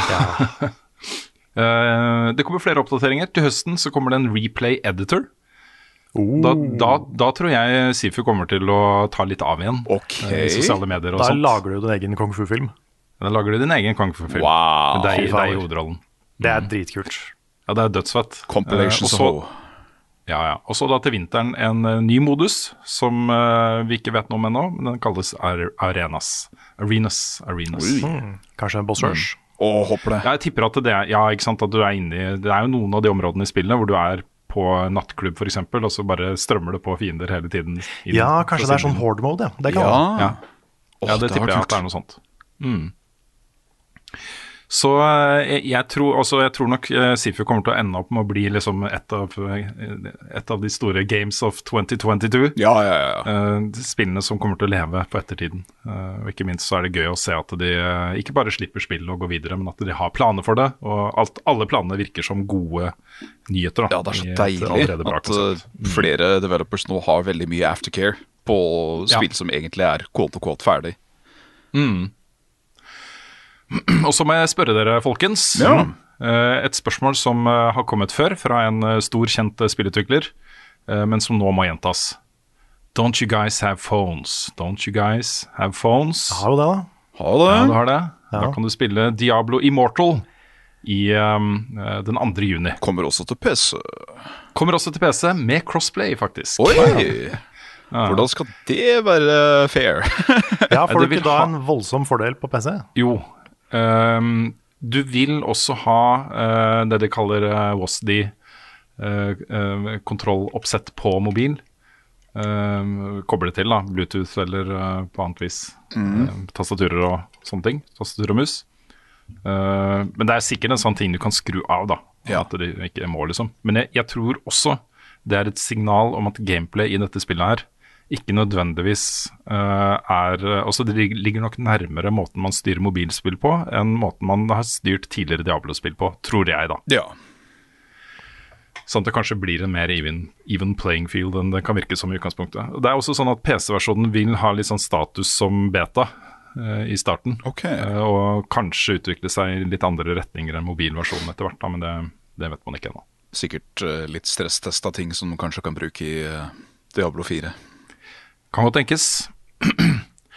Og så har vi krangla mye om akkurat hvor vi skulle plassere denne saken. her. Den endte til slutt i nyhetsspalten, rett og slett fordi um, den er jo ikke direkte spillrelatert. Selv om uh, sikkert 70% av mine spillnyheter kommer fra, fra Twitter. Uh, og ikke minst uh, så er vi jo på Twitter, alle tre. Uh, og det er min primære sosiale medier-kanal. Det er der jeg poster ting. Um, nå har da Elon Musk ikke faktisk kjøpt, men uh, fått akseptert et bud på 44 milliarder dollar for å kjøpe hele Twitter.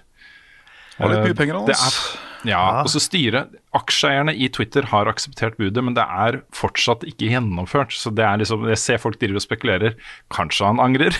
Ja. ikke sant, det trekker seg. Men Kanskje det bare er sånn trolling, liksom? ja, fordi Hva er hensikten med å eie Twitter? Det, er, det føles som veldig mye penger å bruke bare på Ponon og randoms. Ja.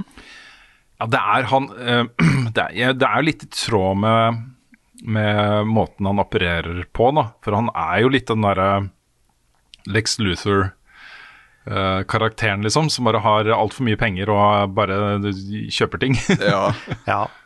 Det, det er, han er litt villen, men han Ja, gjør mye. Også, uh, hadde det ikke vært for Elon Musk og hans uh, SpaceX, liksom, så hadde jo romforskning eh, vært uh, mye, mye lengre satt tilbake enn den er. Mm. Det er han som driver på en måte den biten nå, eh, i større grad enn NASA, liksom. Ja, kan jo si det samme om at eh, Amazon har jo bidratt til eh, bedre livskvalitet for mange med, med butikkene sine og sånn. Ja da, det, Så det, det er positive sider med alt. Men eh, ja, verden styres i stadig større grad av evil billionaires. Om det er Bezos Ja. eller Musk eller Zuckerberg eller de andre. Det er, jeg har ikke noe, har ikke noe positivt å si om noen av de, egentlig. Men eh, Altså Motivasjonen til å kjøpe Twitter er jo sånne ting man kan både spekulere i og diskutere masse, liksom. Um, det virker for meg som en som bare sånn uh, Se så mye penger jeg har, liksom. Jeg kan bare Ja, kjøpe Twitter. se Det, er sånn, det, virker som en onkel som prøver å være kul, men så er han bare teit. Ja, synes jeg. det er, nest, det er litt sånn. Han sier jo da at uh, han gjør det fordi Twitter har et uh, enormt uforløst potensial. Uh, og det er jo per dag uh, 217 millioner, det var det da på slutten av uh, fjoråret, 217 millioner brukere av Twitter. ja. Uh, det bor jo noen flere mennesker i verden enn 217 millioner, uh, så det har nok potensial fortsatt liksom, til, uh, til vekst. da. Mm. og han sier også at at, eh, at han skal eh, fokusere på ytringsfrihet innenfor lovens rammer. Og det er, han har jo på en måte vært litt på, eh, på det jeg anser som litt sånn feil side av den der ytringsfrihetsdebatten. da. Eh, hvor, Ja. Eh, hvor han har vært veldig kritisk til f.eks. sånn cancel culture og den type ting. Um, men mye, mye av cancel culture er jo um, å ikke akseptere uh, kjipe holdninger. Ja, og så er det så mange som på internett spesielt, da, inkludert en del av disse tech-millionærene og, og, og tech-brosa, som tolker ytringsfrihet som retten til å si hva de vil uten å bli utfordra eller uten konsekvenser. Og det er helt Mm. feil. Ytringsfrihet handler jo om å ikke bli straffa av loven for det du sier. Det er Mm. noe helt annet å motta kritikk, fordi de som kritiserer deg, har også ytringsfrihet. Mm. Så det er en sånn naiv og dum tolkning av hva ytringsfrihet er, og det irriterer meg. Det er en sånn ting som har irritert meg i årevis. Ja, det som er den store, store faren her nå, da, det er jo sånn som ytringsfrihet i praksis fungerer i dag på Twitter. Så er det sånn at uh, han uh, Jack uh, Hva er det han heter Jack? uh, Jack. Dorsey eller noe sånt. Er noe sant. han, han største eieren i Twitter. Han eier jo bare 2% av Twitter. Og han har et styre å forholde seg til, og andre aksjonærer å forholde seg til, og brukerne av Twitter å forholde seg til. Nå blir i praksis styret og hovedaksjonær og eneste aksjonær og eier, og den som setter reglene, er jo Elon Musk. Han kan jo gjøre hva han vil med Twitter når det blir privat. Ikke sant? Og det er det, er det mange som er uh, bekymra for, og det tror jeg kanskje er mer rette. da. Ja. Eh, Det er mye makt å plassere på ett hode. Eh, Det er ingen kontrollfunksjoner. Det er ingen som kan fortelle Elon Musk at det der kan du ikke gjøre. Eh, og så stemme imot det, liksom. Nei, så er det jo veldig mye å tenke på når du skal drive en sosial medieplattform. Sikkert veldig mye mer enn noen som ikke har gjort det før, kan se for seg. Det er jo Mm. et, et vepsebol på veldig mange måter. For du må, du må vite hvordan du skal forholde deg til hat og alt det som foregår på sosiale medier. Og det er jo ingen som har fått det til bra ennå. Altså Facebook har driti seg loddrett ut på det. Twitter har Mm. mye, mange eksempler på dårlig moderasjon. Twitch oh, ja. det, det er jo krise overalt, egentlig. Absolutt. Så det er jo ikke et problem som har blitt løst. Jeg tror ikke Elon Musk klarer å løse det. Det er jo det, det Grunnen til at dette er, er temaer som eh, bør og må diskuteres i offentligheten, er jo at, eh, at sånne plattformer som Twitter og Facebook er jo opinionsdannende, og de, de på en måte er en del av samfunnsutviklingen. Hvor, eh, hvor holdninger og meninger og eh, politiske bevegelser og hatprat og alle, alle sånne ting liksom kan bli pusha i en bestemt retning hvis ikke og dersom osv. Ikke sant? Og der, Derfor så, så, så er dette et, et eh, politisk anliggende og et samfunnsmessig anliggende. Og EU har jo vært ute og bare poengtert, da, eh, sånn, som, sånn som de har vist gjennom de siste årene, at, eh, at eh, Elon Musk fortsatt må forholde seg til EU-lovgivning og regler for, for utnyttelse av persondata og alle disse tingene. selv om nå han eier Twitter. Så, så det, er, det, er, det er mye å diskutere der. Det er jo noen sider av de tingene han har sagt som, som jeg støtter. Uh, F.eks. at eh, det skal være krav om autentisering av alle brukere. Og så man eh, kan ikke være helt anonym. Det vil nok kanskje være mulig å fremstå som anonym, men at Twitter vet hvem du er. Ikke sant? At det er mulig å ansvarliggjøre en faktisk person for lovbrudd, f.eks. Mm. Um, jeg syns jeg er veldig bra. Jeg syns alle sosiale medier bør ha det. At du, du må være en faktisk person som folk vet hvem er, liksom. Helt mm. Ja, så lenge ikke du står i fare for å bli doxa og sånne ting, så, så, er, jeg, så er jeg med på det. Uff. Uh, uh, der ligger det jo også noen greier, da. Så Det gjør det. kanskje, ikke sant. uh, ja. Men i tillegg da så sier han at han skal jobbe hardt for å fjerne alle bots. Dette er jo disse bot-farmene til f.eks. Russland, som påvirker amerikanske presidentvalg og øh, opinion da, på andre måter. Det vil han fjerne. Uh, han har lyst til å innføre en redigeringsknapp. Den har jeg liksom delt på. Det har hendt at jeg angra på eller hatt en skrivefeil som er eh, irriterende, eller sånne ting, liksom. Tingen er at det kommer til å bli misbrukt dag én. Mm. For du kommer til å poste et eller annet uh, som veldig mange er enig i, og så kommer de til å redigere det til å bli noe helt annet. Og så Ja, men det- Det er bare én måte han kan gjøre det på, og det er å ha full historikk. At du kan se de tidligere versjonene, eh, sånn som du gjør på Wikipedia f.eks. Mm. Det er den eneste måten. For ellers så, så vil det der bli eh, Da, da mister Twitter sin eh, Mye av sin funksjon, i hvert fall. Hvis man hele tiden kan gå og på en måte redigere virkeligheten på den måten. Ja. Jeg har jo nevnt før at jeg ikke er så veldig fan av Twitter som plattform, selv om jeg bruker det. Jeg bruker det til nyheter, og det er veldig fint for å uh, sanke informasjon, liksom. Uh, spesielt i vår, i vår jobb. Mm. Men jeg føler samtidig at Twitter gjør alle til den verste versjonen av seg sjøl. Fordi alt handler om å være bastant og kortfatta og uh, skarp, liksom. Og da blir det så mye mer konflikt og så mye mer dritt. Ja. Så jeg, jeg har veldig Jeg skjønner hva du mener også, men det er ehm, noe, av, noe av det kjipeste jeg ser på Twitter, er de som, som, som virkelig lever etter det du sier der. Mm. Som tenker at jeg må være skarp, og jeg må ha en hot take, og jeg må liksom Ja. sette ting på spissen. Det derre jaget etter hot takes. Ja. Nå, skal jeg være, nå skal jeg ha en eller annen dunk på en eller annen person, for det er så viktig. Mm. Ja. Men uh, min opplevelse av Twitter og min timeline og de personene jeg følger og respekterer og har sansen for, da, er jo ikke sånn i det hele tatt. Ikke sant? Mm. Eh, Det, da handler det mer om en respektfull eh, diskusjon om uh, forskjellige meninger. Uh, så det er nok av folk da, som bruker uh, Twitter på den måten som jeg er mer glad i. Ja, ja, det er absolutt. Og det er mye bra folk på Twitter og, i det hele tatt. Mm, det er helt også- klart litt hva man oppsøker òg, på en måte. Ja, Mm. og jeg også følger jo ikke de som, som er sånn. Men jeg føler likevel at Twitter pusher det veldig. da. At Ja. det er, det, altså de ekstreme meningene kommer fram pga. algoritmer, og du kan ikke lenger få opp bare det du vil, fordi du får jo anbefalt ting. Mm. Um, pluss at nå får du opp likes og retweets og alt mulig annet uh, som folk eh, driver med. Ja. Um, og så blir det veldig mye trist. Det er litt som å sjekke nyheter for ofte, liksom. For å være for ofte Mm. på, på om det er NRK eller hvor enn du får nyhetene dine fra.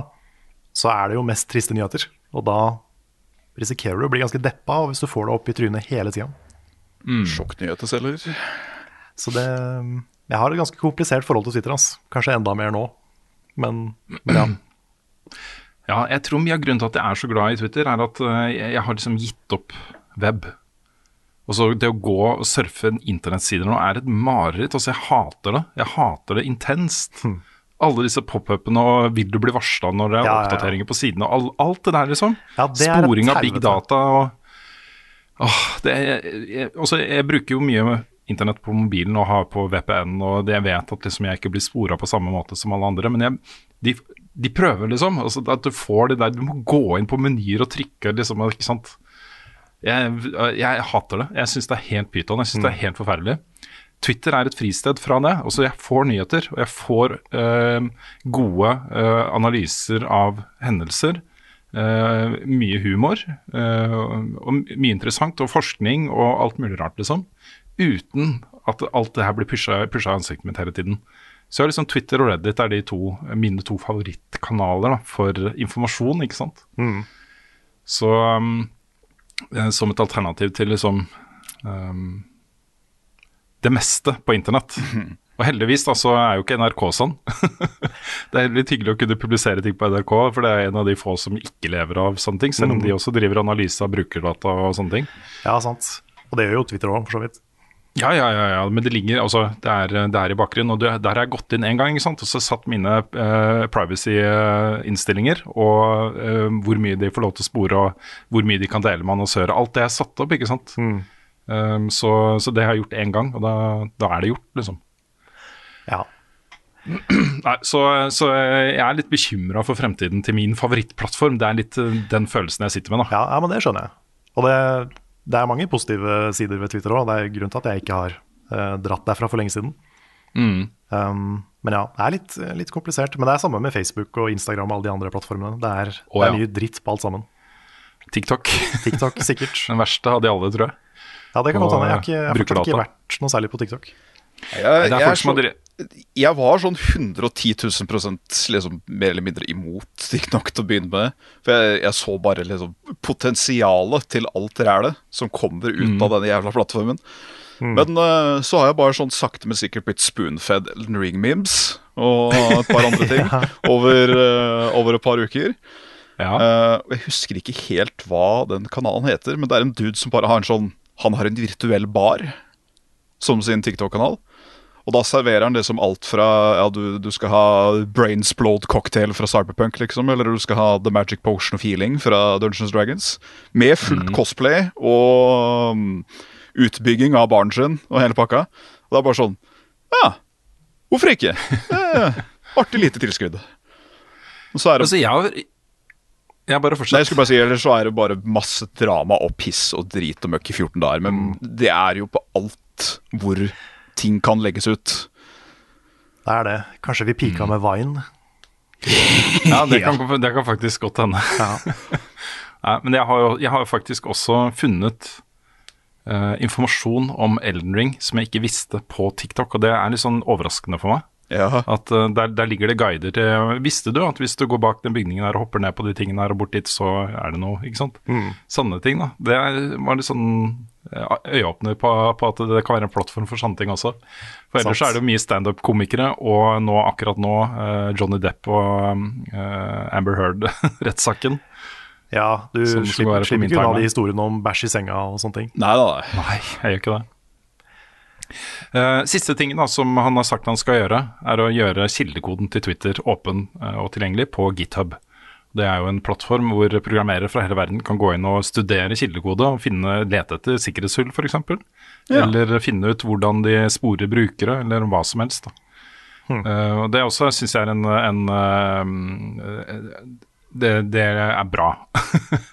det er en ny retning for en sånn plattform. Eh, men eh, hva det betyr i praksis, vet jeg ikke. Og så har jeg lyst til å se, si en siste ting, før vi kan eh, gå, uh, legge Twitter-diskusjonen kanskje hvis, ja, Dere får lov til å legge til ting også, men jeg har lyst til å si min siste ting. Og det er at jeg ser nå at det er massevis av folk jeg både liker og kjenner og respekterer, og alle disse tingene som sier nei, nå er det slutt. Nå forlater jeg Twitter. Nå sletter jeg Twitter. Dette vil jeg ikke være med på. Og jeg, jeg skjønner det, jeg forstår det kjempegodt. Eh, også som en del av en sånn slette Facebook, slette alt av de der drittplattformene som sporer meg og Mhm. alle de tingene der, liksom. Men jeg, jeg, jeg, det blir litt sånn her gutta på skauen for meg nå, altså. Eh, hvis alle de bra folka forlater Twitter nå, og, og f.eks. Eh, 8chan eller 4chan eller hva det skulle være, tar over og får fritt spillerom, så lenge de holder seg innenfor eh, loven, liksom, lovteksten, det er ganske skummelt for demokratiet vårt. Um, og da um, tenker jeg det er ganske viktig at, uh, at um, det er folk igjen på Twitter som kan ta den uh, kampen da, om menneskehetens framtid. Takk for meg. En, eh, en siste ting eh, jeg kan nevne, det er jo bare fordi ehm, bare, bare for å ha nevnt det, så er jo vi er jo også er en redaksjon som nesten, ikke, ikke 100% for vi har Patreon, men vi, vi lever jo av YouTube-kanalen vår. Som også er en sosial medieplattform som har masse problemer. Oh, ja. Så det, Ja, ja, ja. Bare for å trekke inn den også, liksom. Mhm. Så vi er jo Verden blir mer og mer styrt av disse, disse gigasidene. Det plager meg hvordan den derre Den startskjermen, eller eh, den, den, den på en måte det, Ikke abonnentfanen din, men den velkomstskjermen din på YouTube, hvordan den opererer nå. Fordi jeg, får, så, jeg får så jævlig mye hottex om dagen. Ja, Fra men folk er- jeg, jeg ikke veit hvem er engang. Nei, det er akkurat samme her. Det er, jeg får heldigvis ikke de verste hottexa, for jeg har, jeg har bevisst gått inn og sagt 'not interested' på mange av de verste. Ja, ja. Men uh, det, er, det er det som blir pusha, fordi, uh, fordi ekstreme meninger skaper retention, og retention er det YouTube tjener penger på. Ja. Sammen med Facebook og alle de andre. Så det er det som er skummelt, de algoritmene som ikke har noe menneskeøyne på seg, som bare pusher det, det verste fordi det er det som går best. Jeg syns YouTube er et artig case study, på en måte. At uh, så lenge det på en måte gagner dem, så, så implementerer vi noe. Sånn som med det at den, uh, den dislike-button den er jo fortsatt der, men den viser jo ikke noe. Det var jo garantert en retaliation i henhold til uh, Rewind, vil jeg tippe. Jo, ja. Ja, det kan nok veldig hende. Jeg, jeg tipper det. Nå syns jeg for så vidt en dislike-button aldri har hatt noe særlig funksjon, egentlig, men uh... Den har jo en veldig veldig god funksjon som ikke er der lenger. da. Det er jo et signal om, om den videoen er god eller ikke. Også Særlig på ting som handler om faktainformasjon. Ja, ja. Si eh, tips til beste restaurant i, i Roma, f.eks. Eh, Du skal til Roma, du leter etter gode restauranter, og så går du inn på video, og så har den eh, 1000 likes. Tenker du det er sikkert bra, og så viser det seg at den egentlig har 10 000 dislikes. Ja, sånn, ja. Liksom, fordi dette er jo eh, Romas verste restaurant. Men da Ja, går sånn, du som regel igjen i kommentarfeltet, da, i det minste. Ja, det, Ja, det er sant. Det er sant.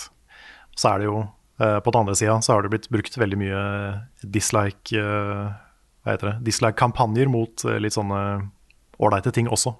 Mm, Ja, så, helt sant. Som, som, som andre mennesker er, er sinte på. Den første virkelig jarring varianten av den, det var vel uh, Rebecca Blacks Friday. Den hadde ganske mange dislikes. Ja, Da tror jeg du så vidt så liksom, at det var farga med blått, som da var uh, likes. Ja.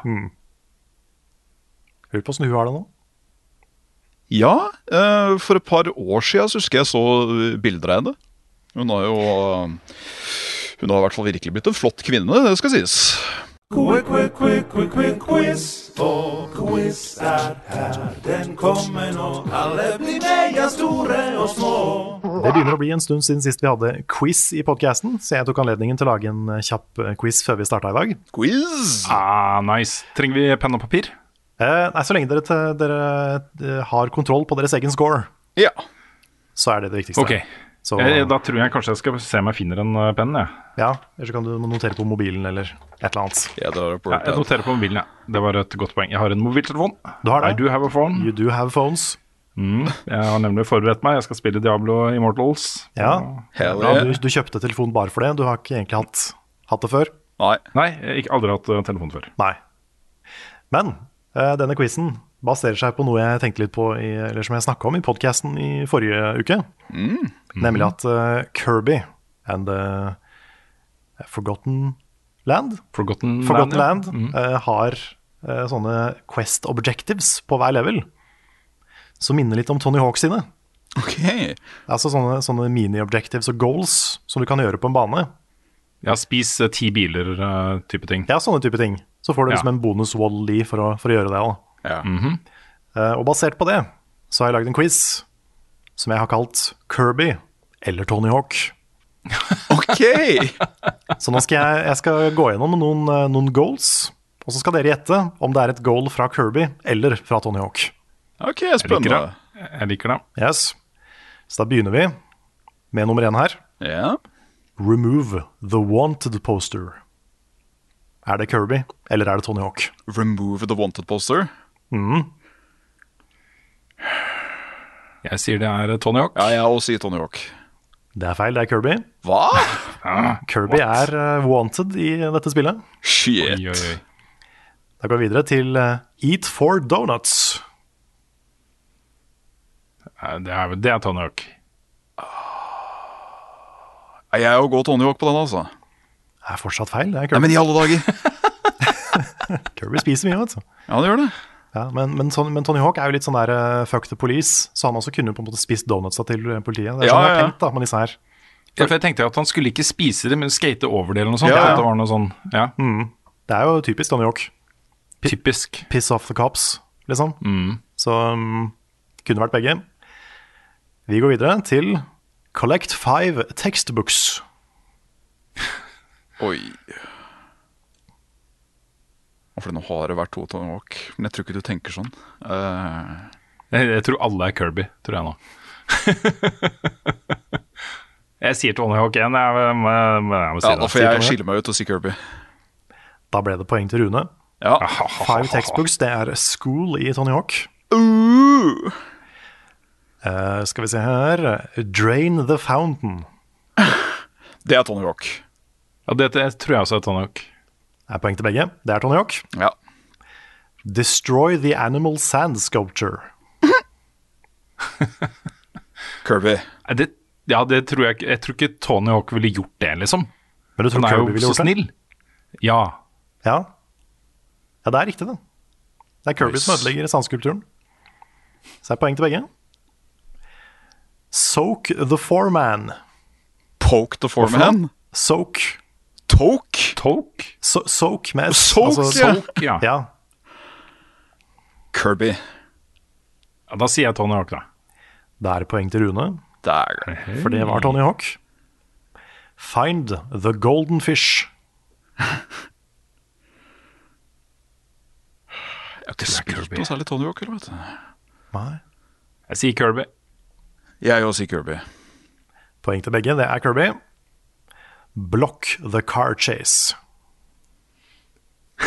Det tror jeg også er Kirby, faktisk. Jeg, vet du hva, jeg, jeg, jeg tror også det. Da lurte jeg dere, for det er Tony Hawk. Oi! For det er jo, Du kan jo være Carby i Kirby, men det er ikke noe det. car chase. Det er ikke noe car chase. Kirby! Kirby. You're a wizard, Kirby. uh, stand on top of two trains. Kirby. Tony Hawk. Poeng til Svendsen. Det var. Kirby. Start the earthquake. Dart the Earthquake. S start the Earthquake. earthquake. ja. Tony Hawk.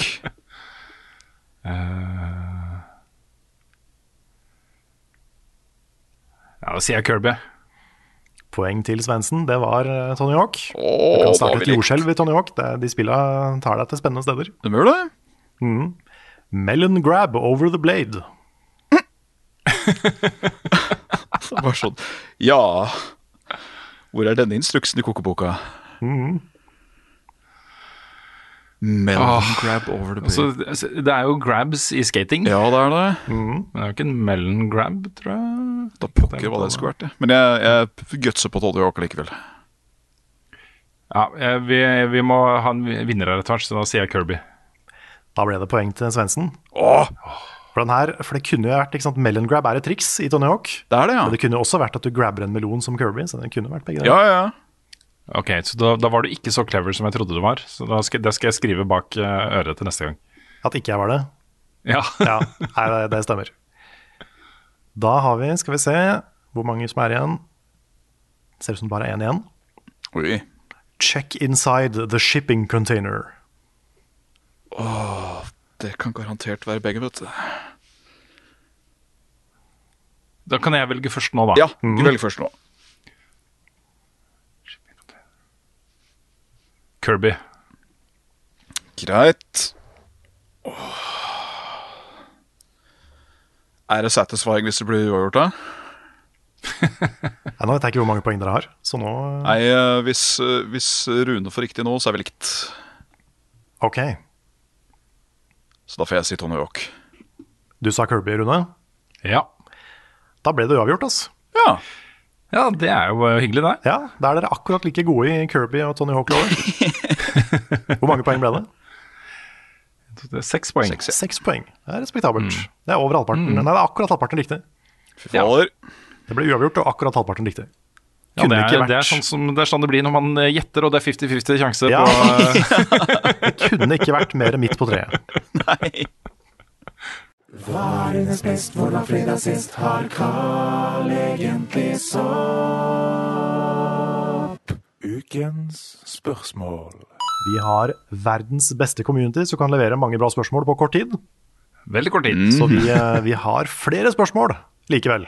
Det er kjempebra. Mm. Vi begynner med spørsmål fra Kjetil Økland, som spør når kommer Elden Ring spoilercast? Soon. Veldig snart.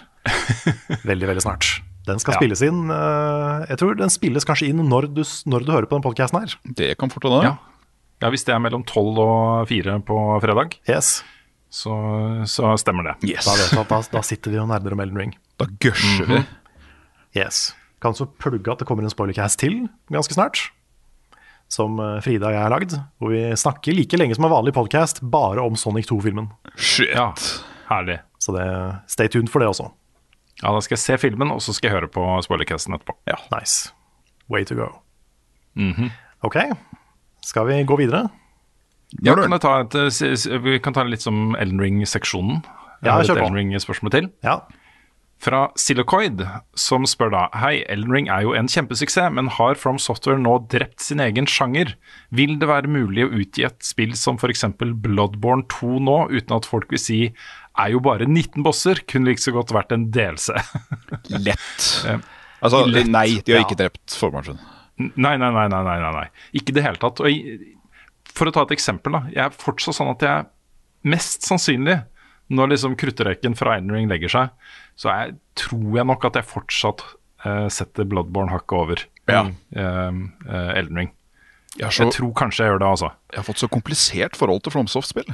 Fordi okay. jeg syns fortsatt at Sekiro har den kuleste combaten. Mhm. Og så syns jeg Bloodborne har den kuleste settinga, uten tvil. Men jeg overall liker Elden Ring bedre, nettopp fordi at det er så svært, og det er så uendelig mange veier til rom. Jeg, jeg tror heller at det har drept eh, litt sånn åpen verden-sjangeren for meg. enn FromSoft-spill. Ja, så er det nok mer der. Mm. At det er, det er vanskelig å I og med at ikke jeg spilte Horizon først, så er det vanskeligere å spille Horizon etterpå. Ja. Ja, for det er ikke eh, Det er ikke det samme. Det er ikke det samme lenger. Nei. Det er ikke det samme lenger. Eh, og det, det som eh, Grunnen til at eh, dette er, blir liksom så ekstra sterkt, er at du tar liksom alle disse From Software-tingene med disse svære dustebossene som bare plutselig er der. Og noen ganger så er det ti av dem liksom som kommer etter deg. Um, skjulte hemmeligheter og alt mulig rart. da Og bare plasserer det i veien din, liksom. Mm. Du, det det er ikke noe sånn 'gå dit for å finne de'. Det er bare sånn, de er der. Mm. Og det er overalt så er det sånne ting i hele den verden her. Den er så svær, ikke sant. Ja. Så Ja, jeg tror det fortsatt er eh, i aller høyeste grad rom for en mer regis- regis- regissert, eh, litt smalere eh, From Software-opplevelse. Oh, ja. Da spesifikt Bloodborne spesielt. Fordi ah, mm, det er fortsatt- jeg, Ja. Nei, det er fortsatt det spillet som hadde fått meg til å lose my shit. Hvis det plutselig kommer en vag trailer om at Bloodborne 2 dukker opp. Da, skal jeg, da skal jeg rive pennene ut av alle redaksjonene redaksjonen og kaste det. For, ja. Ja, fy fader. Nei, men det er, Jeg jeg, merker at det er mange som sier det samme. At eh, Bloodborne Mm. sitt univers er noe helt spesielt. ja. ja. Jeg er nok litt enig at det er eh, Hvis de fortsetter det, uansett om det er et spill på størrelse med Bloodborne eller på størrelse med Elden Ring, som jeg ikke tror det blir, da. Jeg tror det blir vanskelig å lage et Bloodborne Elden Ring. Ja, ja. Men uh, jeg tror det, det kommer til å bli amazing uansett. Cosmic Horror is one hell of a drug. Ja. Ja. Jeg ser jo det er masse folk jeg kjenner som uh, Elden Ring var deres første FromSoft-spill. Ja. Uh, du har jo sett en voldsom uh, framvekst av, uh, av snakk om både Bloodborne og Demon Souls-remaken og Dark Souls, tidligere Dark Souls-spill og Sekiro på sosiale medier om dagen. Og det er jo fordi akkurat det samme skjedde jo med meg, ikke sant? Jeg ble tvunget til å spille Bloodborne, ble så hekta at jeg måtte bare spille alt jeg hadde gitt ut. Så sånn, eh, det, jeg tror det er nok mange som går gjennom den samme eh, reisen nå om dagen. Jeg tror nok egentlig Blood... Nei, uh, Elden Ring er kanskje Hvis du ikke begynner å spille et FromSoft-spill før Elden Ring, så er det kanskje like greit, på en måte. Jeg tror kanskje Mhm. det er det beste introductionary-gamet akkurat nå. Ja, Ja, jeg, det er nok der, jeg også. Du får på en måte, Hvis du spiller gjennom hele Elden Ring og gjør alt, på en måte, Ja. så kan du behandle de andre spillene som litt sånne short stories. ja. Så er du bedre rusta òg, på en måte. Ja, som du får på siden. jeg vil tørre å påstå at det er lettere å gjøre Elden Ring lettere, på en måte, enn det de andre spillene er. Det er det. Du kan ikke, du kan ikke en eh, spirit uh, theory, de andre. Nei. Du får uh, Det er ofte en NPC, da, av noe slag, til mm. mange av de. Sant. Sant. Kan jeg få ta et spørsmål til? Ja. Gjør det. Det er fra Simen Folkvord, som øh, har fått med seg karakterskalaen min. da. uh, skriver da Hører Rune forteller at han gir terningkast 5-spill 9 av 10 med level up score. Hva syns de andre i redaksjonen om den bruken av skalaen? Personlig mener jeg 9 av 10-karakteren kun bør brukes på terningkast 6-spill. Er f.eks. Nio terningkast 5 eller 6. Og for å bare forklare hva den skalaen er for meg personlig, øh, bare så det ikke er noen tvil om det, så er det sånn at når du bruker ti tierskalaen, så har du flere tall enn én til seks.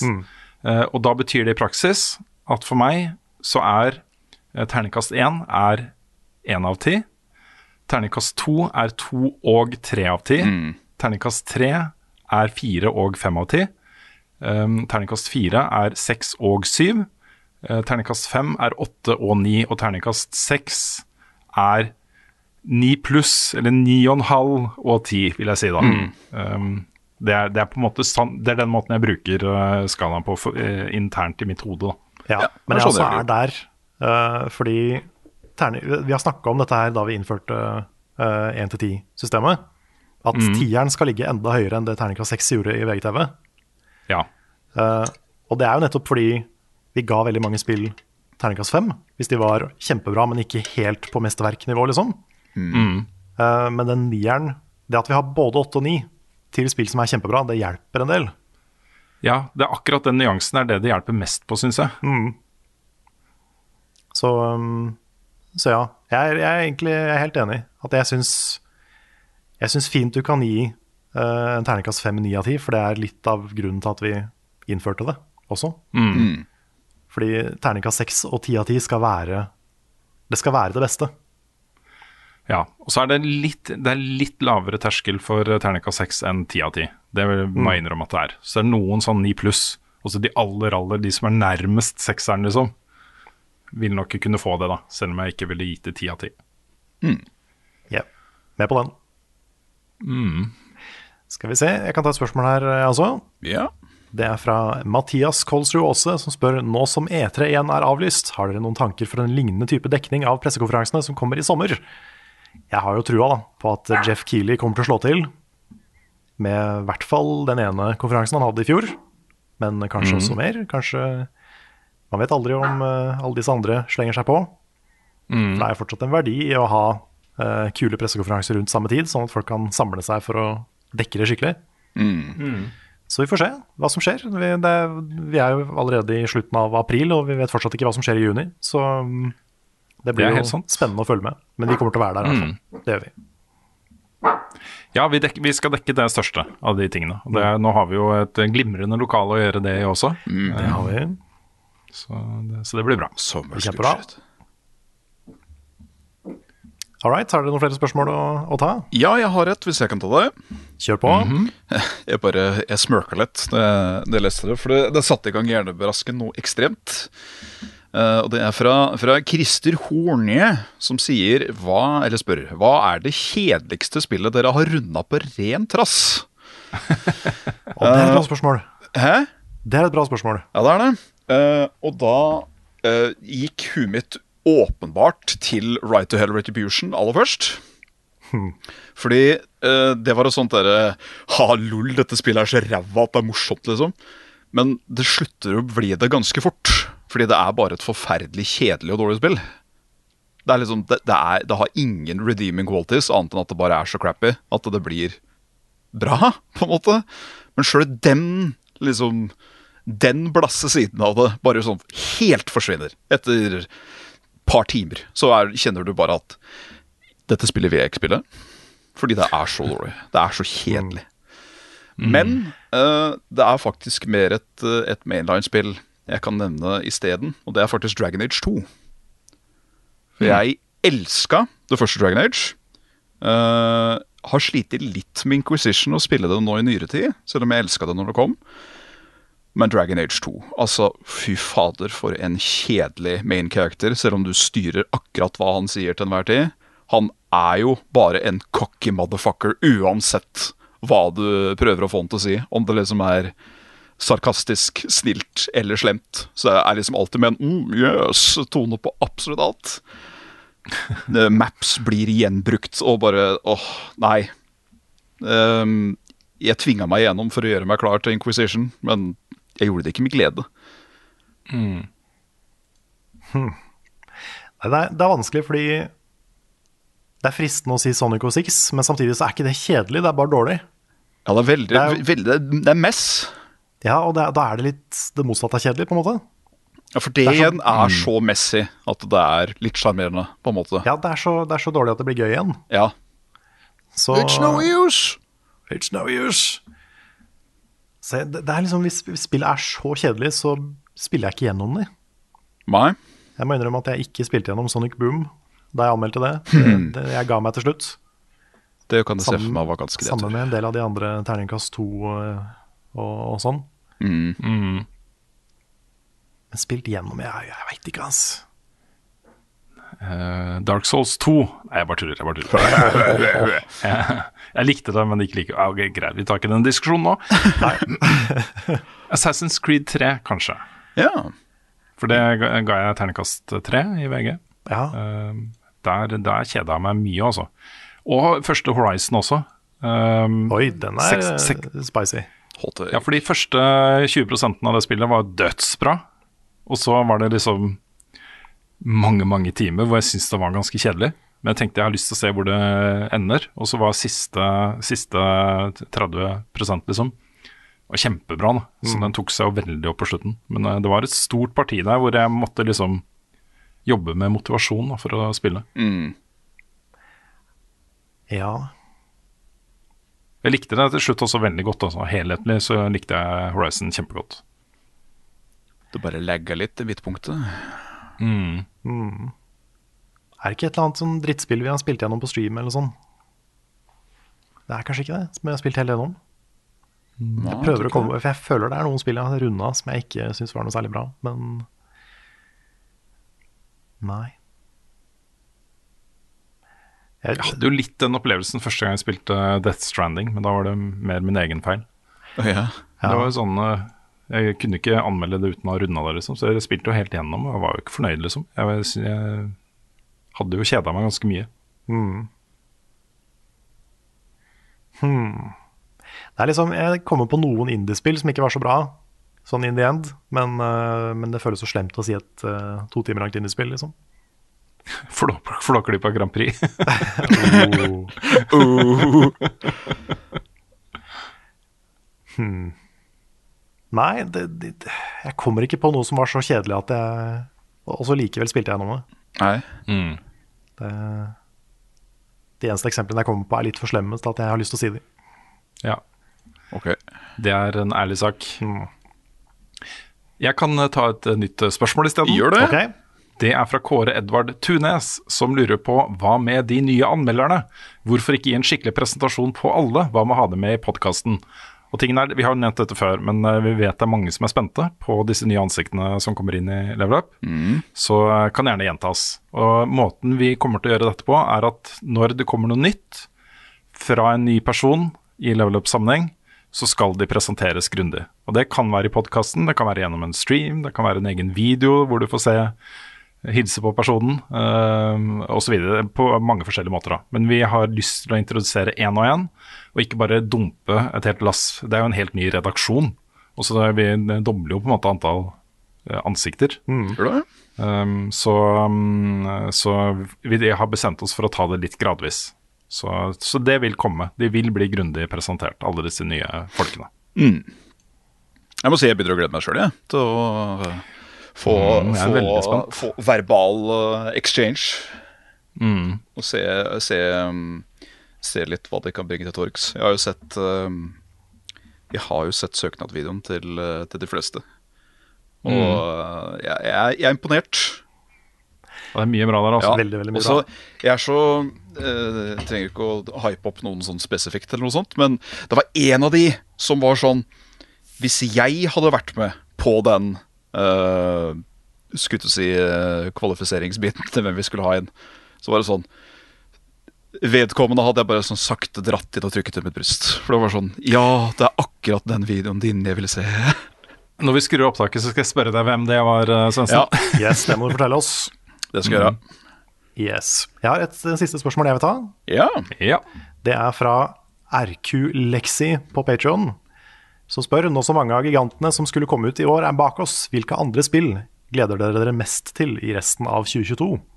Skal er jeg helt en- ærlig, så jeg er litt usikker på hva som kommer. Ja, det er jo én gigant igjen, da, i hvert fall. ja, to for meg av de Ja. virkelig store tingene. Starfield Si dere som jeg tar litt eh, søk. For jeg, jeg tenker jo God of War, eventuelt Ja. uh, Silk Song, hvis det kommer ut i år. Sirkusong, Mm. De to er på min, uh, på min topp. Jeg vil legge til Starfield. Det er nok uh, på toppen for meg, altså. Over God of War. Nice. Oi, oi, oi. Ellers så er det jo uh, Du har jo uh, uh, en haug med potensielt veldig veldig gode indiespill. Stray, f.eks., hvor du spiller som en katt i et postapokalyptisk cyberpunk-samfunn hvor alle er androider. Stemmer. Det derre som ser ut som en fransk animasjonsfilm, som jeg alltid glemmer navnet på. Ja. Ja, Um, um, jeg veit akkurat hvem du mener. Jeg bare Ja. I, I, I have no clue. Det som er sånn monsterjakting og sånn. Yeah. Little, Little Devil Inside. Little Devil Inside. Mm. Det ser Eh, kult ut. og Harold Halibut. Stop Ja. eh, motion eh, clay, claymation-spill. Og et av de som er på toppen av lista mi, kommer ut i dag, faktisk, når vi sitter og spiller inn. Nemlig Rogue Legacy 2, Ja. som jeg skal eh, sette meg ned med etterpå. Kan forsvinne noen timer der, ja. Ja, for du har spilt Early Access, du, kanskje? Å ja, nei, jeg har, jeg har bare sønderspilt det første. Ja, ja, same. Så jeg er sikker på at jeg kommer til å miste litt av livet mitt eh, til det, ja. Så jeg har, jeg har spart det til det, er ferdig, til det er helt ferdig, og det er ferdig i dag. Ja, ikke sant. Og så er jeg veldig veldig spent på Microsoft, også, fordi eh, de har jo holdt eh, kortene litt tett i brystet med hva de skal slippe når og den type ting. Nå har de jo Starfield som en sånn kjempeting eh, til høsten, men de har jo så mange spennende ting på vei. Hellblade 2, eh, nytt Fable um, og så videre. Så um, Jo, også til sommeren så kommer jo det der nye til Arcane. Um, som heter uh, det vampyrspillet. Ja. Redfall. Redfall. Redfall. Ja, det også har jeg veldig veldig tro på, altså. Kanskje Metroid 4? Kanskje. Jeg er Er ikke, 4. er du ikke spent på Sonic Origins i kveld? Jo, men det er jo spilt i spillene før, da. Ja. Og så kommer jo kanskje det andre. Det, det Open World Sonic-spillet. Å ja. From, Frontiers. Jeg er spent på det òg. Det er mye å være spent på. Året er langt fra ferdig. Det er et liv etter Elden Ring. Det. Ja, det eneste er bare at problemet mitt med spillåret 2022 er at jeg, jeg, liksom, jeg trenger ikke å forskuttere. Fordi jeg veit at mitt Game of the Year allerede er sluppet. Det er bare sånn det er. Fordi Ja, det dette her var det. spillet jeg drømte om at Elden Ring skulle bli, og så blei det det. Og da var det sånn Ja, nei, men det, det beste spillet som finnes, er laget for meg akkurat nå. Så det skal Altså, plutselig kommer det bare sånn fra left field, ut fra ingen steder, og bare slapper meg over ansiktet med the biggest formulated dick ever, og så Oi, se der, ja. Men jeg veit ikke hvilket spill det skulle vært. Nei. Nei, det var samme for meg i 2015. Da kom Bloodborne, og så plutselig så var Undertale der. Ja. Så you never know. Kanskje det kommer noe helt annet som bare kaprer hjertet ditt, Svens. Ja, jeg skal, jeg skal ikke ta noe for uh, Goldfish, som jeg holdt på å si. Men Nei. jeg tviler. Ja. Jeg har lyst til å nevne et par eh, spill som dukka opp på den der Humble Games-showcasen som jeg har med på også. Ja. Som jeg har satt mange streker under. Og Det ene er et spill som heter Stray Gods, The Role-Playing Musical. Det er um, eh, skapt av en som heter David Glader, som eh, tidligere var i BioWare. Eh, musikken er av Austin Wintry fra bl.a. Journey og norske Pode. Uh, Troy Baker er involvert, Laura Bailey er involvert. Og det er basically greske guder i menneskeform, rollespill musikal, eh, med masse sånn dampende seksuelle undertoner og Det virker så fett, altså. Good Det høres times. ganske morsomt ut. Mm. Og så til sommeren så kommer det et eh, veldig sånn Souls-like eh, spill som heter Moon Scars. Et 2D eh, spill veldig i tråd med liksom Dark Souls, da. Ja. Mm, som, uh, som så amazing ut. Så de også har jeg på lista mi. Og ikke minst uh, Playdead, også det danske selskapet Playdead. Ja. De har jo liksom en tendens til å bare slippe tingene sine, de. Og nå har de jo jobba med neste spillet sitt, etter Inside, i mange år. Det kan plutselig dukke opp, liksom. Det kan det. Very true. Ok. Somerville, Somerville, fra han som slutta i, i Playdead for å joine et nytt selskap. Riktig. Ah, Jeg trodde det var det, det det, var det du tenkte på, men ja, det er jo to nå. Det er to nå. Shit. Det er det. Ok. Skal vi runde av der? Det kan vi gjøre. Jeg har, Det kan har vi gjøre. egentlig ikke noe å komme med. Kanskje Svendsen skal ta rulleteksten? Ja, har du lyst til å ta den, Svens? Ja, det kan da godt. hvor vi sier hvem hvem som har utgitt podkasten og alt, liksom. Jeg regner med du har alt det i huet. og- Ja, alt det, Jeg har memorisert hva Frida sier hver eneste gang. Ja. Nei, jeg, jeg har ikke det. Det er. Det er bare noe å lese fra. Ja, det har vi ikke. Det har vi ikke, så du må bare ta det fritt etter hukommelsen. Ja, OK, hva er det jeg skal si? Bare ta de tingene du husker. Ja, sånn Takk for støtten på Patrion og Ja, det er en av Det er en tingene. av så det er tingene. Det er den, kanskje den viktigste, da. Ja. Ja, for det er veldig fint at folk støtter oss på Patron. Er veldig fint. den støtten så hadde vi ikke eksistert, og det gjelder nå også, selv om vi er, eh, er eh, delvis kjøpt opp av Good Game. Ja. Ja. Så er vi avhengig av de inntektene for å få hjulene til å gå rundt. Det er veldig, veldig sant. Og når okay. vi sier kjøpt opp, så er de har ikke kjøpt 100% de har kjøpt Nei. 50. 51. Ja, Så det er viktig å presisere. Med, med mulighet for mer. Yeah. Kanskje. Kanskje. Men jeg kan, jeg kan prøve å ta den, jeg. Ja, for nå ble jeg faktisk tatt såpass på senga at jeg ble litt sånn øh, øh, øh. Det er derfor det hadde vært litt morsomt. Så hadde jeg ikke gjort noe om det var en litt, litt tynnere rulletekst en Nei, episode. jeg bare jeg, sånn. jeg aner ikke hva jeg skal si. Skal jeg være helt ærlig. Nei, nei, men jeg vet ikke jeg heller. Jeg husker noe av det. Så jeg begynner bare. Ja, gjør det. Gjør det? Eh, Dette er en podkast utgitt av Moderne Media. Eh, Låten i introen og outroen er skrevet av Ole Sonnik Larsen og fremført av Kyoshu Orchestra. Ja, arrangert og Arrangert og fremført av Kyoshu Orchestra. Mm. Du kan eh, følge oss på, eh, på, på, på Nå mista jeg en. Patreon har vi snakket om. Herfjord. Martin oss, Herfjord. følg oss vet på. Martin Herfjord. Du kan følge oss på Martin Herfjord. Han har laga vignettene. Og også er det Patreon som vi snakka om. Og så har vi en, en shop, en, en webshop, som heter levelupnorge.myspreadshop.no. levelupnorge.myspreadshop.no. Og Twitch-kanalen vår, Uh, twitch.tv. Det er en ny T-skjorte Ny T-skjorte på My Spreadshop. Det er det. Fra den, mest, den særeste, mest interne joken som vi har hatt noen gang på T-skjorte, tror jeg. Det er det. det, er det. Så hvis du, så, hvis du så Monopol-streamen fra, fra eh, Online, Ja. så er det en T-skjorte der til deg. Yes. Hva sa du URL var? øh? Eh, levelupnorge.myspreadshop.no. Så har vi da patreon.com uh, slash levelupnorge. Vi har twitch.tv slash levelupnord for livestreams, der du kan se Svendsen sitt level 1-run i, i Elden Ring. Oh yeah, baby. Oh yeah. Er det noe mer da? YouTube har vi også. Ja, YouTube-kanalen vår har vi jo. Den er jo ganske viktig, da. YouTube.com slash levelupnord. Der kommer jo alt vi lager, inkludert den podcasten her. Så Ja. kanskje, kanskje du er på den kanalen nå. Det kan jo tenkes. Det kan jo tenkes. Så, så ja.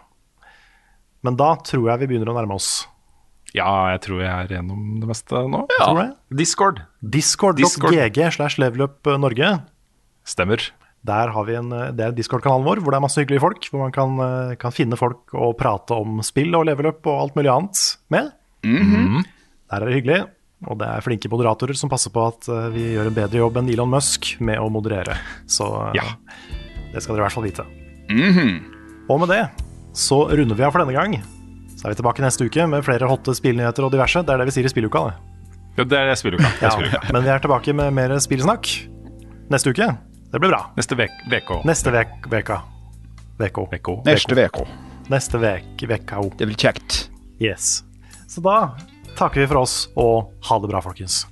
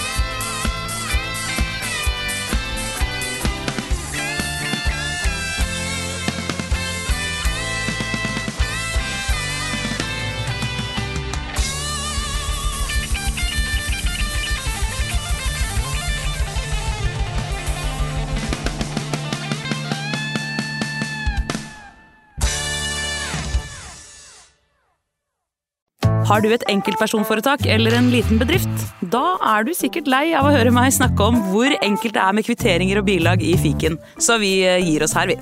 Fordi vi liker enkelt. Fiken superenkelt regnskap.